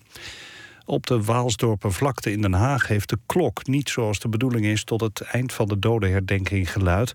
Even voor negen uur brak de klepel van de Bourdonklok en werd het stil. Menselijke resten die onlangs in Nieuw-Zeeland werden gevonden... zijn van de Nederlandse backpacker Ken Bogers. De Nieuw-Zeelandse autoriteiten hebben zijn familie inmiddels ingelicht. De 26-jarige Bogers werd sinds 21 maart vermist. Er werd een grote zoekactie op touw gezet... maar toen er een week later nog niets was gevonden... werd het zoeken gestaakt. Een week geleden werden op Farewell Spit... in het noorden van het zuidereiland van Nieuw-Zeeland... menselijke resten gevonden. En die blijken nu dus van Ken Bogers te zijn. De grootste moslimorganisatie van de VS heeft de schietpartij in Texas... waar ook PVV-leider Wilders was, scherp veroordeeld. Op de bijeenkomst werden ook spotprenten met de profeet Mohammed getoond. Volgens de Council on American Islamic Relations is dergelijk geweld een grotere belediging voor de islam dan welke cartoon dan ook. Bij de schietpartij op een bijeenkomst over de vrijheid van meningsuiting raakte een beveiliger gewond. De twee schutters werden door de politie doodgeschoten. De politie heeft hun identiteit bekendgemaakt. Mogelijk waren het moslim-extremisten. Het weer. Vanuit het zuiden overal regen en een stevige oostenwind. Minima vannacht rond 12 graden. Overdag wordt het al snel 19 graden aan de westkust tot 23 in het oosten. Daarna volgen buien met soms onweer, hagel en zware windstoten... en koelt het af naar 13 tot 16 graden. De wind draait naar het zuiden en blijft stevig. Dit was het NOS Journaal. NPO Radio 1. VPRO. Nooit meer slapen.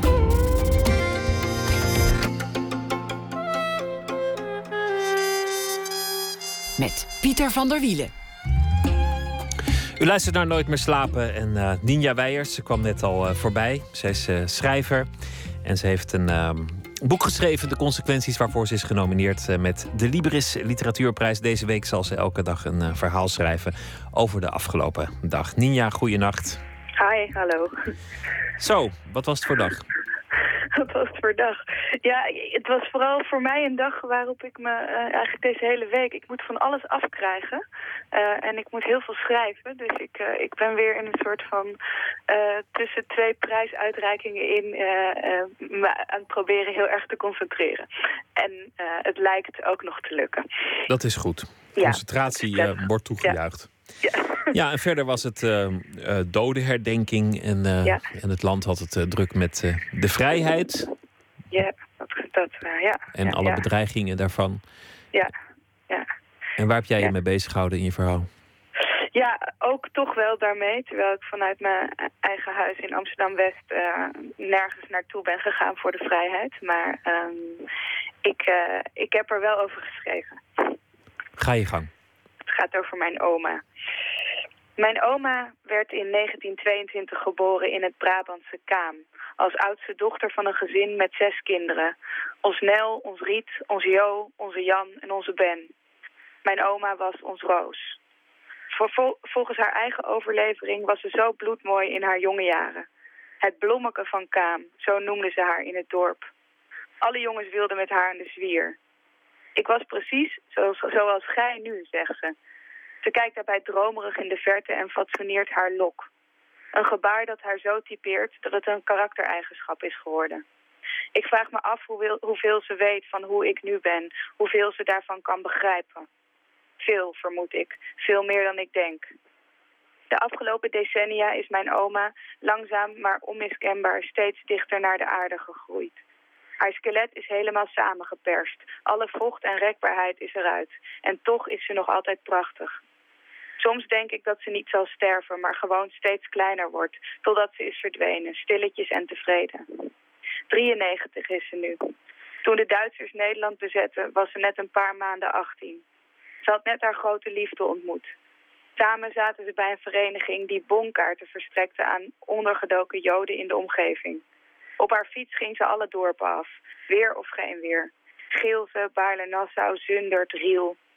Op een dag werd ze verraden, maar later bleek door haar eigen geliefde.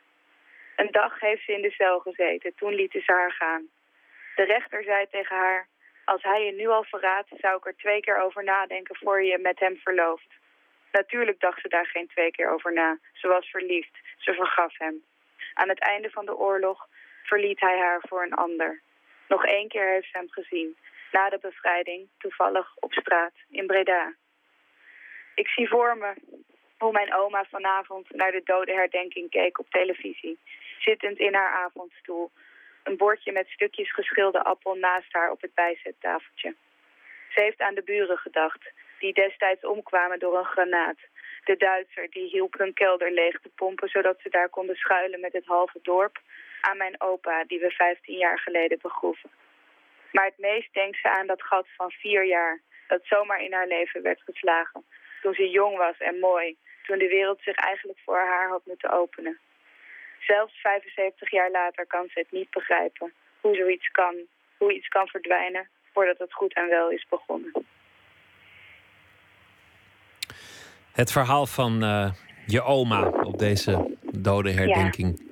Ja. Ja, het, het, uh, het persoonlijke en het grote wereldverhaal met elkaar vermengd. En dan, dan is toch uiteindelijk een, een liefde wat je het meest zal bijblijven, denk ik.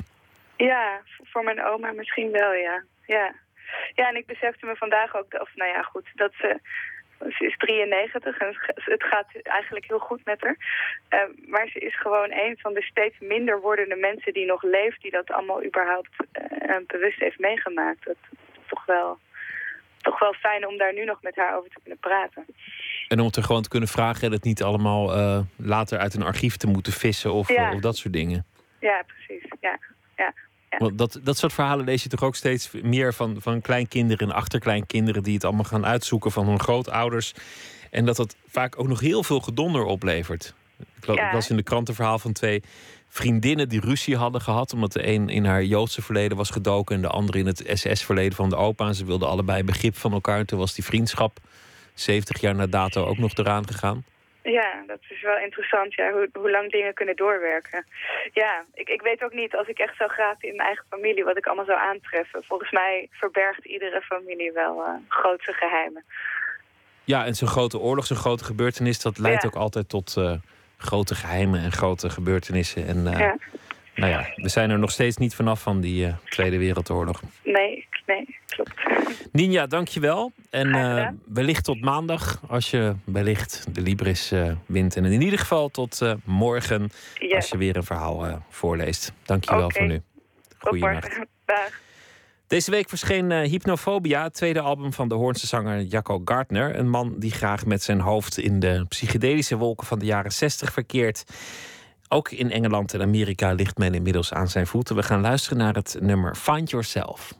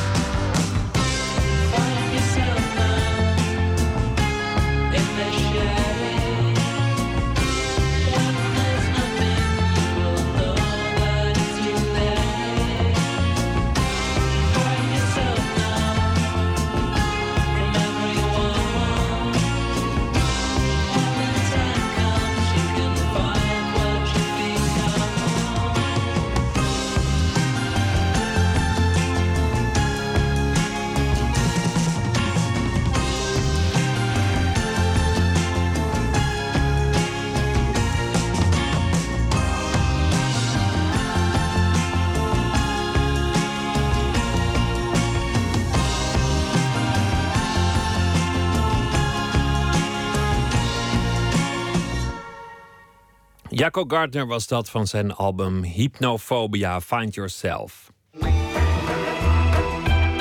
Nooit meer slapen. 70 jaar geleden is het eh, morgen dat de Tweede Wereldoorlog in Nederland eh, voorbij was. Nederlands design wordt meestal opgedeeld in een periode voor de oorlog en één erna. Maar tijdens de oorlog werd er natuurlijk ook van alles vormgegeven: mode, interieur. Yvonne Brentjes die schreef daar een boek over. V is vormgeving 1940-1945. Tjitske Mussen die sprak haar en met de 93-jarige ontwerper Friso Kramer, die als student tijdens de oorlog zijn talent voor heel andere doelen inzette dan interieurontwerpen. Persoonsbewijs, Nettie. Persoonsbewijs. Ik ben op bezoek bij de 93-jarige Friso Kramer. Zijn naam kent u misschien van de beroemde stoel de Revolt, die nog in menig hippe vintage te vinden is. Kramer ontwierp ook de straatlantaarnpaal, die waarschijnlijk bij u op de hoek staat. Maar tijdens de oorlog heette Friso Kramer Jan Willem van Tijn. Dat is een afkorting van Terpentijn. Want dat was mijn schuilnaam. Kramer is 18 als de oorlog uitbreekt. Hij volgt een opleiding aan het Instituut voor Kunstnijverheidsonderwijs in Amsterdam, maar moet onderduiken. Via via komt hij in contact met mensen van de Persoonsbewijzencentrale van kunstenaar Gerrit van der Veen. De jonge Kramer wordt vervalser. Bijzondere dingen zoals bijvoorbeeld etensbonnen of persoonswijzen, dat was helemaal de limit. En aldoende kreeg je dus, eh, werd je dus handig in die dingen. Hoe is dat met drukken? En wat is dat voor papier? En uh, waar moet je op letten? Maar dat werd me allemaal bijgebracht. Want er was altijd iemand die dus daar helemaal professor in was. En dus zorgde voor uh, het aanvoeren van materiaal en uitleggen daarbij. Dat vervalsen, dat ging zo. Kreeg je dus het origineel bijvoorbeeld te zien. Plus een, een zeer grote vergroting van hetzelfde, fotografisch. En dan, of het nou vaag was of niet... maar je moest eigenlijk proberen of je dus weer, dat weer op de juiste maat terug kon via het verkleinen fotografisch. Maar inmiddels had je, doordat het, het grote deel, dus de foto van het origineel, door dat na te tekenen met zwarte inkt, werd dat natuurlijk heel duidelijk in zijn contrast. Ik had er uh, aangeschaft een verkleinglas. Je kan een vergrootglas nemen, maar wat is nou een verkleinglas? Dat is niet bol en een rond, maar dat is hol aan twee kanten. En als je dan het verkleinglas ervoor hield, dan kon je met dat afstand tussen dat spul, kon je zo richten dat het even groot werd als het origineel. Maar dat deed je pas, als het nodig was, eerst die vergroting met zwarte inkt opknappen en gaaf maken. Dan door het glas kijken of het uh, wat dikker of magerder moest of zo. Want ik kon dus met dat glas kon ik het meteen al controleren. Het moeilijkst was het watermerk in de persoonsbewijzen. Drie Nederlandse leeuwen. Maar daar vond Friso Kramer een techniek vooruit. Met succes. Dan moet je nagaan dat als je dat nou zou bestuderen... en je doet het professioneel en je hebt het origineel daarnaast... dan zou je misschien wel iets, soort verschil kunnen ontdekken. Maar diegene die, mij, die je aanhield en zeggen... mag ik uw papier even zien? En die hielden het dan tegen het licht. Die zagen drie leeuwen. Het was gevaarlijk werk. Als je gesnapt werd, kon je direct doodgeschoten worden... of naar Duitsland worden getransporteerd. Sommige mensen die worden dus bijvoorbeeld angstig... of die gaan raar doen, of die krijgen dus complexen... Uh, om dat nou te verhinderen, kreeg je 150 gulden per maand salaris. Zondags vrij. En als je nou het desondanks toch niet goed uithield... dan mocht ik de eerste, de beste kroeg binnenlopen... en dan mocht ik dus uh, vanaf 1 tot 6 jenevertjes drinken... als ik dat lekker vond. In ieder geval, ik werd in de watten gelegd. Ja, het was in die tijd dat je zegt... Hoe moet je nou oorlog voeren terwijl je dan zondags vrij bent? Dat is wel een beetje... Maar je kon dus daardoor meer heel blijven in je doen en laten. Bij die persoonsbewijzencentrale waren eind 1943 meer dan 100 mensen betrokken. Vaak grafisch vormgevers en kunstenaars. La- later hebben deze ontwerpers ook gezegd van... het was niet zomaar iets namaken voor ons. Het was het zelfs een enorme eer om dit te doen. Want, en eigenlijk is het het mooiste grafische werk wat ik ooit heb gemaakt. Want ik heb er mensenlevens mee eh, gered. Dit is kunsthistorica Yvonne Brentjens. Zij deed onderzoek naar Nederlandse vormgeving tijdens de Tweede Wereldoorlog. Een onderbelicht stukje geschiedenis naar haar idee. Hoe komt dat? Ja, er zijn natuurlijk tal van redenen voor aan te wijzen. Op de eerste plaats eh, het grote taboe natuurlijk. Wij, wij ide- identificeren onszelf liever met eh, het goede dan met het kwade natuurlijk. Eh, daarnaast eh, dan krijg je toch een soort sneeuwbaleffect. We, we kijken daar niet naar, waardoor we er eigenlijk heel weinig van weten. De nadruk komt steeds meer op het modernisme te liggen, wat wij dan als moreel goed eh, inschatten. Terwijl historici eigenlijk al veel verder zijn dan wij kunsthistorici. Doordat zij en ook al naar de andere kant van hè, de hele geschiedenis hebben gekeken. En ja, die poging heb ik nu ook voor het eerst ondernomen. En dan zie je dat, ze, dat er zoveel aspecten zijn die met elkaar overeenkomen. eh, en dat goed en fout eigenlijk geen issue zijn op dit gebied. Wel het gebruik natuurlijk van een. Hè, als je het in een andere context plaatst, een stoel. Wanneer je zegt van nou, deze stoel is eigenlijk alleen maar voor Arische mensen. Dan wordt het een foute stoel. Maar de stoel zelf eh, is nooit fout. En dat zijn dingen die geleidelijk aan door zo'n onderzoek. eh, wordt, dat, wordt het steeds duidelijker. Om niet te hoeven sluiten gingen een aantal meubelfabrikanten produceren voor de Duitsers. Ze hadden ook vaak ook geen keuze, want het alternatief was dat je je bedrijf sloot en dat al je werknemers naar Duitsland moesten verhuizen. Eh, het alternatief was ook dat mensen dan moesten onderduiken en hun gezin bijvoorbeeld niet meer konden onderhouden. Nu de Duitsers hun opdrachtgevers waren, moest ook het ontwerpproces veranderen. Efficiëntie en standaardisering werden belangrijk. Ook een bedrijf in Utrecht, eh, UMS, wat later pas toe is geworden, is tijdens de bezetting er echt op gewezen van willen wij eh, meer kunnen fabriceren, dus meer kunnen leveren aan Duitsland, dan moeten we ons productieproces natuurlijk gaan aanpassen.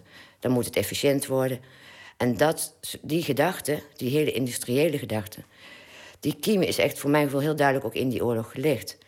Vaak zeggen wij van nee, dat hebben we, onze industriële vormgeving, dat komt eigenlijk na de oorlog, dat hebben we van Amerika. Het is inderdaad wel zo dat veel ontwerpers na de oorlog naar Ame- Amerika gingen om hun licht op te steken. Eh, maar in wezen hadden ze tijdens de bezetting al geleerd wat groot fabriceren was. Eh, het machinepark na de oorlog was ook groter dan voor de oorlog. Dus dat zegt al dat Duitsland heel veel geïn- geïnvesteerd heeft. Ontwerpers sprongen vaak in op de nieuwe tijd. Philips kwam met een zaklamp zonder batterijen, de knijpkat. Gerrit Rietveld publiceerde een folder met meubels voor kleinbehuisden. En meubelfabrikant Gispen legde zich toe op noodkachels. Maar de warmste uitvinding kwam in de koude winter van 1942 van de modeontwerpers van Warenhuis Metz Co. Zij introduceerden de huispyjama. Nou, het is een, eh, hier zie je de pyjama in eh, twee delen. Het is een eh, breed, een ruim wollen jasje. Met een broek met enorme, met een, een pantalon met hele wijde pijpen. Je kon het aan één stuk kopen. Dan was je natuurlijk heel revolutionair. Want ja, wie liep echt in zo'n wollen tuinbank rond? Voor de conservatievere vrouw had je het ook in twee delen. En eh, dat maakte dat je bijvoorbeeld thuis je, de kachel lager kon zetten en eh, het, toch warm hield. Dus in wezen is het ja, een com- commercialisering van omstandigheden die natuurlijk eh, niet al te leuk waren.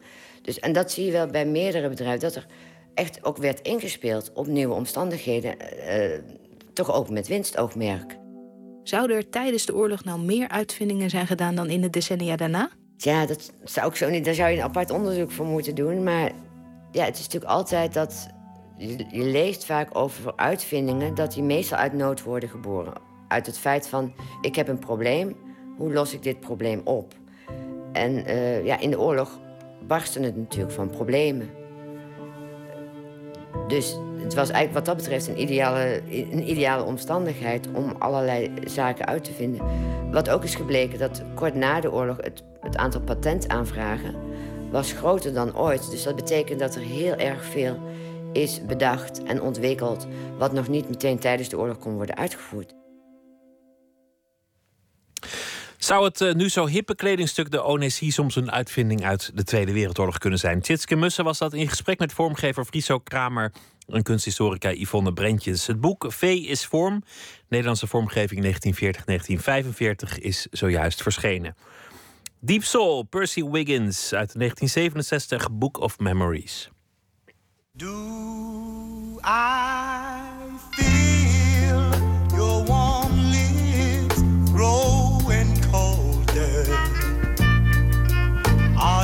slipping from my arms silently? Am I winding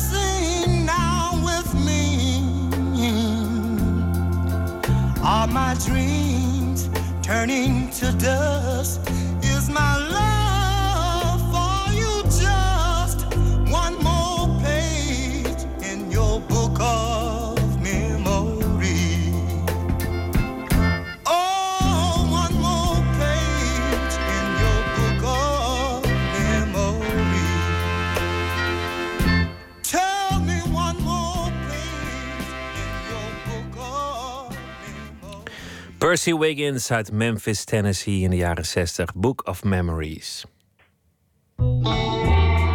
Nooit meer slapen. En eh, wie niet een leuk feest had afgelopen weekend, zat zich waarschijnlijk eh, thuis op het internet druk te maken over een eh, stichting die het op zou moeten nemen voor het vrije woord, maar dat volgens velen heeft nagelaten. Gisteren was de Deense cartoonist Kurt Westergaard te gast in cultureel centrum De Bali om daar een bijeenkomst over de vrijheid van meningsuiting bij te wonen. Zwaar beveiligde bijeenkomst, want Westergaard wordt al lange tijd eh, bedreigd. En eh, de kwestie van het vrije woord kwam dus ineens via die schrijversclub PEN Nederland ook eh, in het nieuws. Floortje Smit, wat is er allemaal gebeurd? Ja, nou, Koert Westergaard, eh, dat is de cartoonist, de Deense cartoonist die ooit die cartoon over Mohammed heeft gemaakt. Je kent hem, die hele bekende met die bom tulband. Nou, dat leverde in eh, 2006 leverde dat eh, rellen op. En het leverde hem een plaatsje op de dodenlijst eh, bij radicale moslims op. En zozeer zelfs dat er in 2010 een aanslag op hem is gepleegd. Er stond er opeens een Somaliër met een bijl in zijn eh, woonkamer. En hij werd maanden geleden al gevraagd voor, dat, eh, voor die vrije woordbijeenkomst. Dat is het eh, festival van het vrije woord. En omdat ehm, vanwege de veiligheid hebben ze dat dus echt tot het aller, allerlaatste moment hebben ze dat geheim gehouden. Nou, in dat hele traject daarvoor afgaand, daar ehm, was een van de organisatoren van die bijeenkomst, is, dat is PEN Nederland. En die hadden een heel klein onderdeeltje georganiseerd en die ehm, trokken zich terug. Nou is dat op zich, dat, dat kan natuurlijk. Maar PEN Nederland is een, eh, een internationale club die schrijvers verenigt. En eh, op hun website staat bijvoorbeeld dat eh, omdat zij internationale literaire samenwerking... dat kan niet bestaan volgens hen zonder vrijheid van meningsuiting. En daarom laten ze een krachtige stem horen in de, in de strijd tegen censuur, in welke vorm dan ook. Maar Westergaard, dat zagen ze toch niet helemaal zitten. Nou, dan vond een... verslaggever van Nieuwsuur vond dat eh, opmerkelijk. Dus die eh, ging opheldering vragen aan eh, voorzitter Manon Uphoff. Een organisatie die opkomt voor schrijvers, kunstenaars die worden bedreigd... trekt zich terug uit een bijeenkomst eh, waar dit soort mensen... en één gast in het bijzonder centraal staan. Ja, en eh, dat heeft, er, dat heeft ermee te maken met dat we binnen dit programma een onderdeel aanbieden. Waarvan we zeggen dat is zo fragiel, dat kun je niet combineren nu, ondanks alle goede wil van de wereld en eh, met wat je ook wil ondersteunen, dat kun je nu niet goed combineren. Je kunt de veiligheid niet, niet garanderen. Ja, het was ze dus niet te doen om het principe, maar gewoon dat ze zeiden: ja, het wordt ons een beetje link. Die man wordt zo bedreigd. We vinden dat niet echt. Uh, te garanderen dat dat veilig uh, zal gebeuren. Is dat, is dat wel zo'n sterk antwoord? Nou ja, kijk, vertelt iets over dat de bijeenkomst te groot werd en, um, uh, en hun onderdeel maar heel klein was. Dus het voelt ook een beetje alsof, alsof hun onderdeel ondergesneeuwd raakte door de komst van uh, Koert. Maar ik, ik kwam er zelf ook niet helemaal uit. Er stond in, in Elsevier ook nog een reactie van Manon Uphoff. En daar staat, uh, de bijeenkomst werd te groot en de gevolgen waren niet te overzien. Nou ja, in ieder geval, um, ik heb gesproken met uh, Juri Albrecht, de directeur van de Bali, die snapte er eigenlijk ook geen bal van. Ja, maar zo'n groot evenement was natuurlijk ook weer niet. Ik bedoel, we hebben de zaal, in de Bali twee zalen hadden we hiervoor.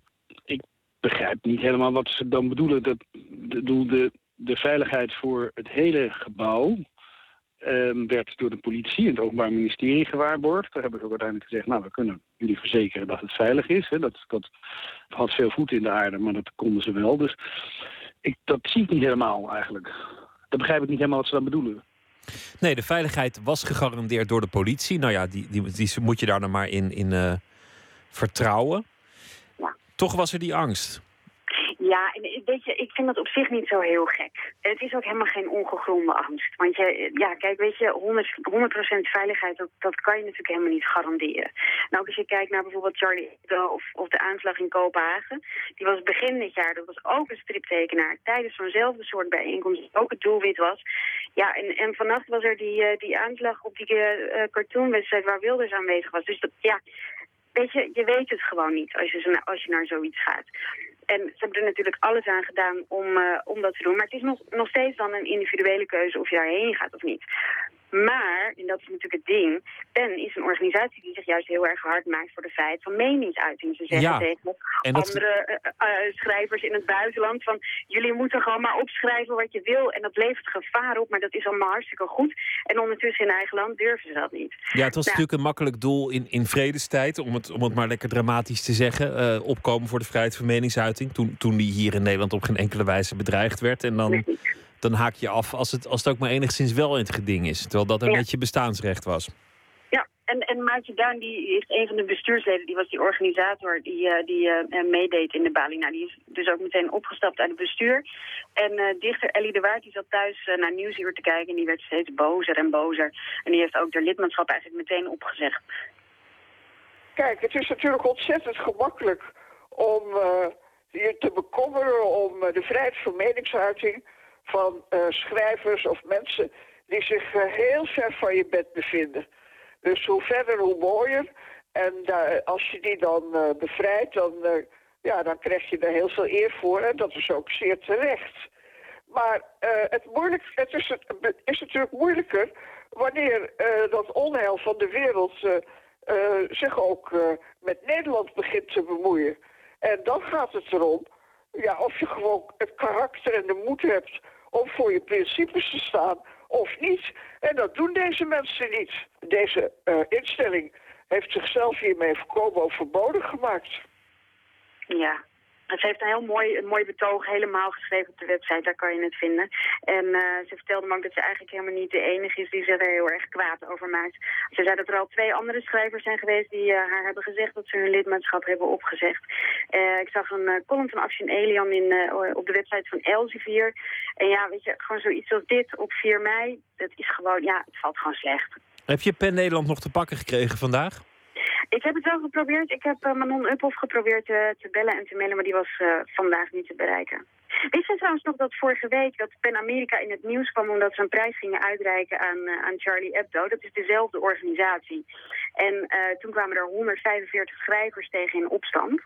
Waaronder grote namen als Michael Ondeci. Want zij vinden dat ja, de vrijheid van meningsuiting is goed, maar die beledigende cartoons vallen daar niet onder. En PEN Amerika is nou juist ehm, een organisatie geweest die zich daar de sportweek nog ontzettend sterk voor heeft gemaakt. Dus dat Maar dat, is een, eh, dat, dat lijkt een soort tendens. Dat elke keer als er, als er iemand vermoord of bijna vermoord wordt, eh, dat, dat mensen zeggen ja.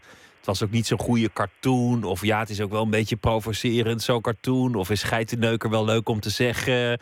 Dus eh, het lijkt wel alsof zich dat debat elke keer toch de andere kant op verplaatst op een wonderlijke wijze. Ja, dat is inderdaad heel vreemd. En eh, wat dus echt heel vreemd is, is dus dat dezelfde organisatie aan twee verschillende kanten lijkt te staan. En de schrijvers lijken dus aan twee verschillende kanten te staan in deze hele discussie. Het is heel wonderlijk, eigenlijk. Je moet er niet aan denken wat er was gebeurd. Ehm, want het, nou ja, er is geschoten in, in de buurt van die eh, eh, tentoonstelling in Amerika, in de Verenigde Staten. Je moet er niet aan denken wat er was gebeurd als Wilders om het leven was gekomen. Ik bedoel, dan was er gewoon voor de tweede keer in eh, twee decennia een toonaangevend politicus vermoord in ons land. Wat, wat zei die Albrechts daarover? Nou ja, die, is, die, die werd natuurlijk vanochtend wel wakker. Die keek naar het nieuws en die is natuurlijk helemaal leblazers geschrokken. Zo'n dag na, eh, na hun eigen bijeenkomst. Maar hij zei ook van, ja, weet je, ik, het, verbaast me ook weer niks. Want ja, weet je, Van Gogh is ook gewoon van het een op het andere moment gewoon... Ja, dat, dat gebeurt.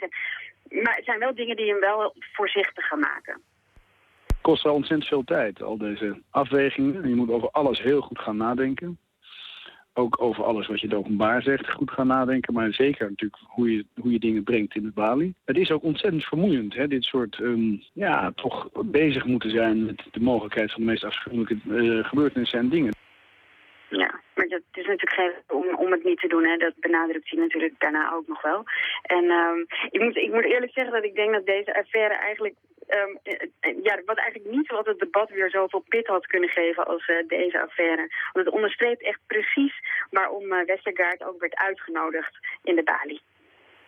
Maar de belangrijkste reden is natuurlijk, zo, is natuurlijk de reden dat het van belang blijft dat we in de samenleving ons zo blijven opstellen dat het gesprek mogelijk blijft. En dat, en dat laat zo'n festival van het vrije woord dan toch weer zien, denk ik. Ik denk ook dat het bewustzijn daarover weer is aangewakkerd. Ja, het bewustzijn is wel weer aangewakkerd. Of Stichting PEN nog heel veel leden zal hebben binnenkort, waag ik te betwijfelen. Maar eh, morgen 5 mei de, de vrijheid vieren. En eh, dat moeten we vooral ook doen als, eh, als het ertoe doet. En niet alleen maar als het een gezellige bijeenkomst oplevert. Floortje, dankjewel en een hele goede nacht. Goeiedag. 7, 8 en eh, 16 mei speelt eh, de Ierse groep The Villagers in Nederland, in Utrecht, Amsterdam en Nijmegen. Ze hebben een nieuw album, Darling Arithmetic. En het nummer dat we draaien heet Hot Scary Summer.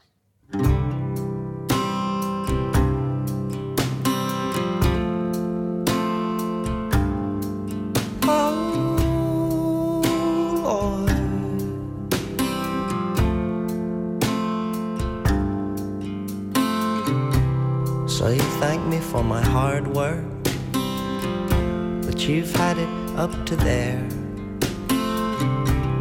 Cause this shouldn't be hard work, but I'll fight to care if you'd care to fight. Thank you for your hard work, but I've had it up to here. Cause this shouldn't be hard work, at least not that makes us half a person, half a monster, stuck together in this hot, scary summer.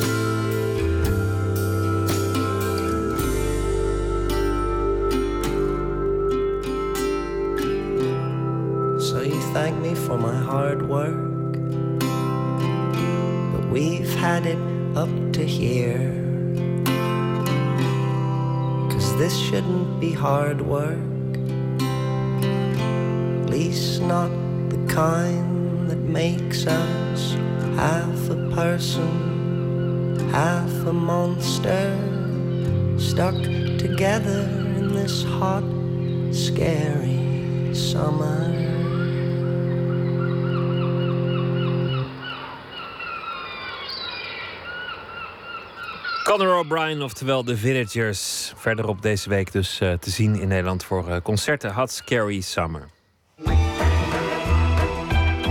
Nooit meer. In het nieuwe boek van Wanda Rijssel, Liefde tussen 5 en 7, ontdekt journaliste Lisa Wolf dat haar man Luc een tweede gezin erop nahoudt. Bedrog en een echtelijk schaduwspel. Koor op de molen voor Wanda Rijssel. De schrijfster en dramaturg heeft een oog, namelijk voor de schuin marcherende mens. En eh, die fascinatie bespreekt ze met eh, Maarten Westerveen.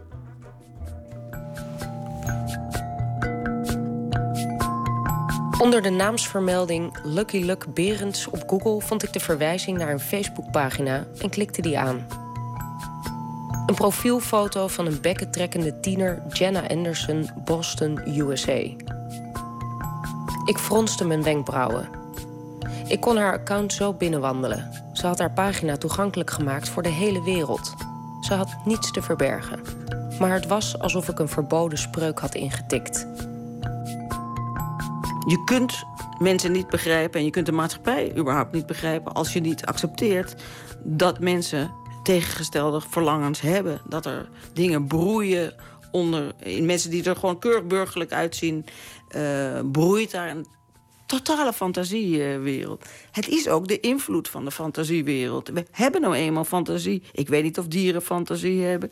Chimpansees, eh, apen schijnen wel fantasie te hebben in mijn oogpunt. Want bedrog in, bedrog in natuur heeft een evolutionair voordeel. Die aap, die chimpansees, die bedriegen bijvoorbeeld de grote, de grote baas. Die even ligt te slapen. En dan gaan ze achter een boompje gaan ze het even doen met het, met het vrouwtje van de baas. Dat is een dat is gewoon, dat kan je. Hè, de Waal heeft dat uh, geobserveerd. Zo zijn dieren. Het heeft een evolutionair voordeel. Dus je bedriegt uh, de grote baas. Dan komen jouw genen komen, worden verspreid. Uh, waar, waar je anders, als je een lager mannetje in rang zou zijn was. Um, kom je niet bij dat vrouwtje van de, van de baas. Dus bedrog wordt in onze ogen is dat fout en deugt niet. En daar moet je klappen voor krijgen. Maar het is, het is de vraag. Je hebt maar één leven. ik wil het niet eh, propageren, ik wil het niet uitdragen. Maar ik heb ergens ook wel bewondering voor mensen die durven eh, zo'n zo'n tweede leven erop na te houden. Toen we net verliefd waren, overvielen we elkaar op onverwachte momenten, zoals geliefden doen. Natuurlijk hadden we ieder onze verlangens, waarover we ernstig spraken. Soms botsten we, maar niets was beter om elkaars karakters door en door te leren kennen. We lachten om wederzijdse onhebbelijkheden die we niet gingen veranderen. We waren een eenheid. De wereld zou door ons soepel veroverd worden. Een seven-year itch deed zich niet voor. Wij hadden aan een half woord genoeg. Wat is bedrog eigenlijk precies? Ja, dat is een goede, dat is een goede vraag. Nou ja, het bedrog is natuurlijk dat je het een zegt en het ander doet. Eh, je liegt gewoon. Je zegt, eh, of je zegt niks. en je, eh, je doet of je iemands vrouw of man bent. En daar is een onuitgesproken, onuitgesproken pact. Of je nou getrouwd bent of niet. Dat je elkaar daarin respecteert. En dat je die grenzen niet over zal gaan. Maar ehm, zodra dat, dat wel gebeurt... en soms jarenlang... en soms met veel verschillende mensen. Ehm, dan heb je in het geval van een huwelijk of een relatie... Uh, spreek je van, uh, van bedrog. Um, omdat het een, het vertrouwen eigenlijk schendt. Maar waar, wat is dat vertrouwen dan precies? Ik bedoel, je, er zijn mensen die spreken af in een huwelijk van... Nou, ja, als, er is, als dat is gebeurd, ik hoef het niet te weten... maar ga je gang. Ik ga je niet tegenhouden als je van ijsjes houdt... om, uh, hè, om je te verbieden om ijsjes te eten. Waar, tot hoever gaat dat ver, verbod? En hoe jaloers zijn mensen inderdaad. Het is, heel, het is natuurlijk heel, heel complex. Kijk, als het, als het lukt, als, als de ander verder geen problemen heeft met het... niet met het verleid worden, dan, nou, oké, dan heb je rustig, rustig huwelijk. Het kan allemaal perfect zijn de essentie van, uh, van bedrog ja, is, is toch dus een mate van bewust, uh, bewust schenden van, van vertrouwen. Dat is een, iets ja, wat, niet juist, wat niet juist is, maar ook niet aan de andere kant niet altijd voorkomen kan worden. Het is menselijk. Wat is het dankbaarste aan ontrouw als een literair thema? Het is heel dankbaar. Het is de, het is de, de, het is de bron uh, waar, waaruit, ik, uh, waaruit ik put. Ik heb er heel veel over geschreven. Uh, het heeft me altijd gefascineerd. Het is niet zozeer dat ik er, dat ik er, dat ik bang voor was... of dat het nog eens een keer zou kunnen gebeuren. Maar het zet je anders in de wereld. Dus dat onderwerp is gewoon dat, dat verraad en bedrog dat is mijn werkterrein uh, geworden. Ik wil het helemaal tot in alle verste hoeken uitpluizen hoe het werkt. En ja, inderdaad, zitten er voordelige kanten aan? Is het, ik wil ook wel zo ver gaan om, om het, de morele kant ervan te onderzoeken. Want ja, je kunt als een dominee roepen van dat mag niet. Maar oké, zoveel mensen bedriegen hun partner. Dat, dat moet je zo langzamerhand bijna als normaal gaan zien. En dus, tegenwoordig hebben uh, bijvoorbeeld uh, jonge mensen in relaties... Gaan er heel anders, anders mee om. misschien wordt het ook heel anders in de toekomst. Ehm, en, en wordt het ook niet zo'n groot pro probleem. Worden die relaties toch wat losser en reëler. kijken we een bepaald moment heel anders tegen de liefde aan. Waarom zou de liefde zo begrensd moeten zijn door uh, oké, we beloven elkaar trouw. Uh, moet, moet het eigenlijk? Uh, ik wil ook niet belazerd worden, hoor, laten we zeggen. Maar ik vind het heel erg leuk om dat denkexperiment aan te gaan. Kan het, kunnen we ook daarin veranderen? Het is moeilijker om een amourette met een collega op het werk te verzwijgen... dan een heel gezin dat zich ergens ver weg bevindt. Zodat er zich nooit toevallige, onaangename ontmoetingen kunnen voordoen. Als dat andere gezin zich beheerst, als de minnares haar man nooit thuis belt, dan zijn het twee volkomen gescheiden biotopen waartussen de man heen en weer reist. Voor hem de kunst om die twee in zijn hoofd uit elkaar te houden. Hoe is dat voor jou als schrijver om, om te beseffen dat dat het een zo met jou samengaat? Ja. Ehm, nou, dat, dat besef is, eh, is eigenlijk wel fijn. Want het betekent dat het, eh, dat het echt mijn, eh, mijn, mijn grondthematiek is. Ik, ik heb het ook nog niet eerder zo duidelijk geformuleerd. misschien moet je daar gewoon ook ouder voor worden... en meerdere boeken en werk voor gemaakt hebben. Maar ehm, ja, voor mij is het niet benauwend, zeker niet. dat hele, ja, het hele idee van, van dubbelleven waar dus overspel ook bij, uh, bij onder ehm, dat staat voor mij ook op een soort filosofisch uh, niveau van... Ehm, je bereidt je leven ook uit. Het is misschien niet uh, moreel, maar je hebt maar één leven. Je weet niet hoe oud je wordt.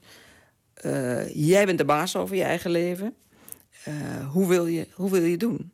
Wil je twee keer zo hard leven? Ehm, ja, je hebt daar toch het recht toe om dat te doen.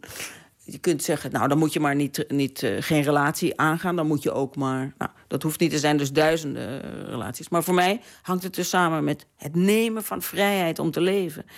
En dat is iets wat ik mezelf natuurlijk ook vraag. Doe ik dat eigenlijk wel?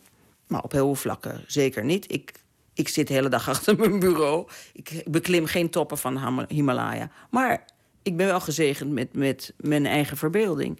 En uh, daarin leef ik.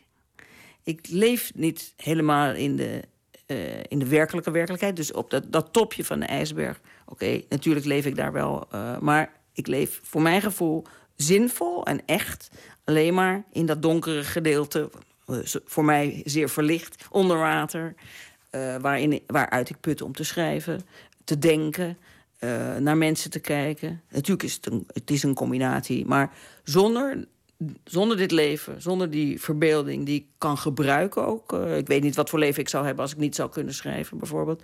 Of ik dan heel erg verlegen zou zitten met mijn, met mijn eigen verbeelding. Nu kan ik het gebruiken, productief maken. Het is een manier van denken die voor mij heel, um, heel belangrijk is ben je tot een voortschrijdend inzicht gekomen? Dat denk ik wel, anders, anders eh, is het saai en hou je er vanzelf wel eh, mee op. Nee, het blijft een soort van draaikolk die me blijft fascineren en voeden op een of andere manier. Wat is juist? Wat is juist leven? Wat is het eigenlijk? Dat is een, een vraag die je natuurlijk niet eenduidig kan beantwoorden, waar je hele leven uh, mee bezig kan zijn. Dus ja, ik ben blij dat ik, dat ik, dat ik dit thema heb, uh, heb gevonden. Maar het is, en het is ook echt interessant dat ik, dat, dat ik het nu zo duidelijk voel dat dat ook echt mijn thema is.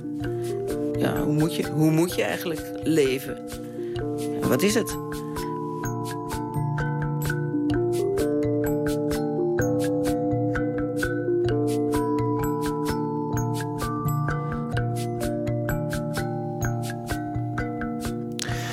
Wanda Rijssel was dat eh, in gesprek met eh, Maarten Westerveen over het eh, boek Liefde tussen 5 en 7.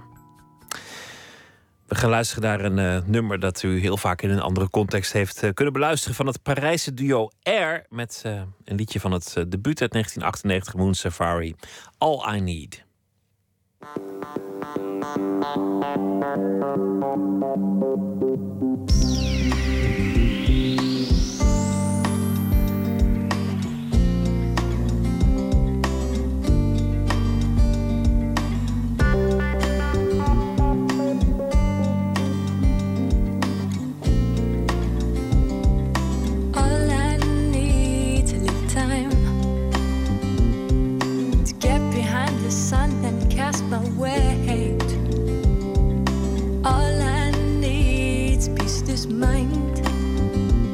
Can celebrate.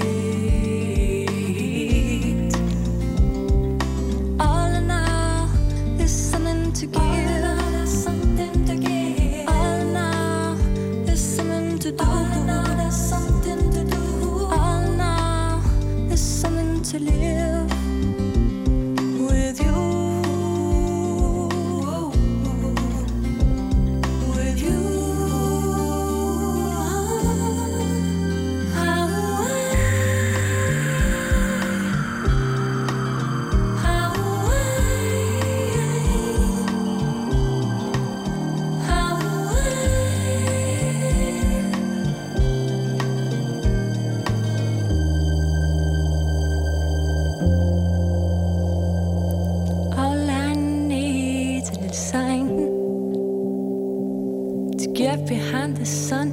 Passes way.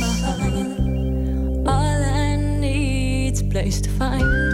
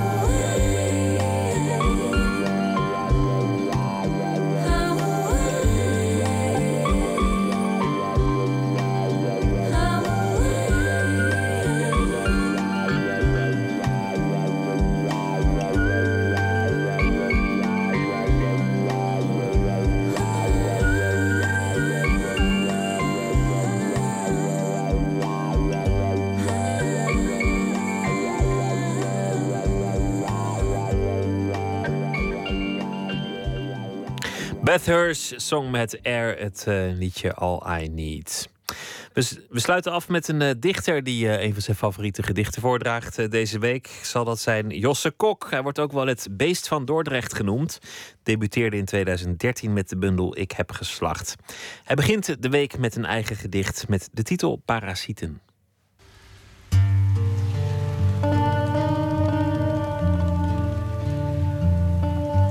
Dan deze avond een gedicht van mezelf. Het is lastig om een gedicht voor jezelf te selecteren, want eh, als je heel kritisch gaat kijken, vind je alles vreselijk. Maar ik heb dan voor het gedicht gekozen. Het, is, eh, het komt waarschijnlijk in mijn nieuwe bundel, waarvan ik nog niet weet hoe die gaat heten en wanneer die uitkomt. Dus eh, dat is heel handig.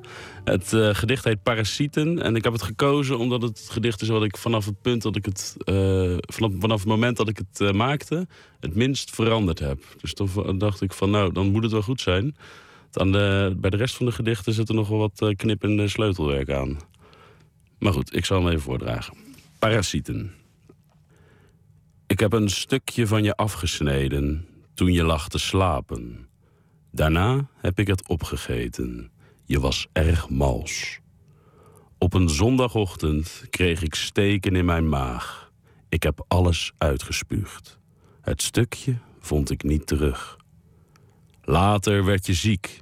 Ik bracht een kruik en schonk je thee. Jij was er niet meer toe in staat. Iedere vezel was verslapt en jij wist niet waar het aan lag.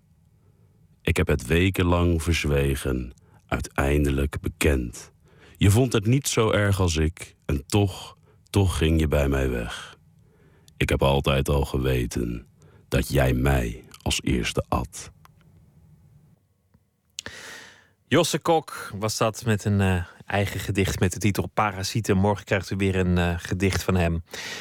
Nog maar wat reggae dan. The Tide is High, 1960 van The Paragons. Later ooit eh, nog een keer uitgevoerd door Blondie. Maar dit is het origineel.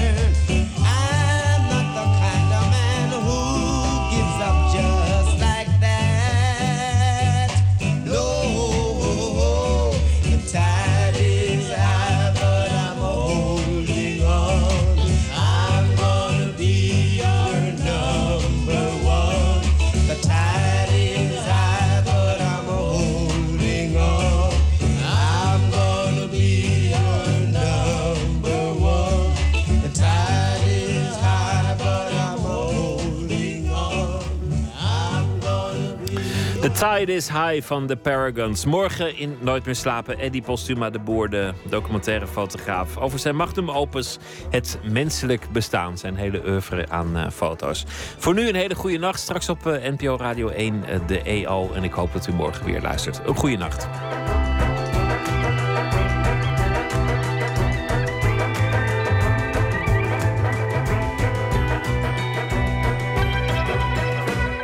Op Radio 1, het nieuws van alle kanten.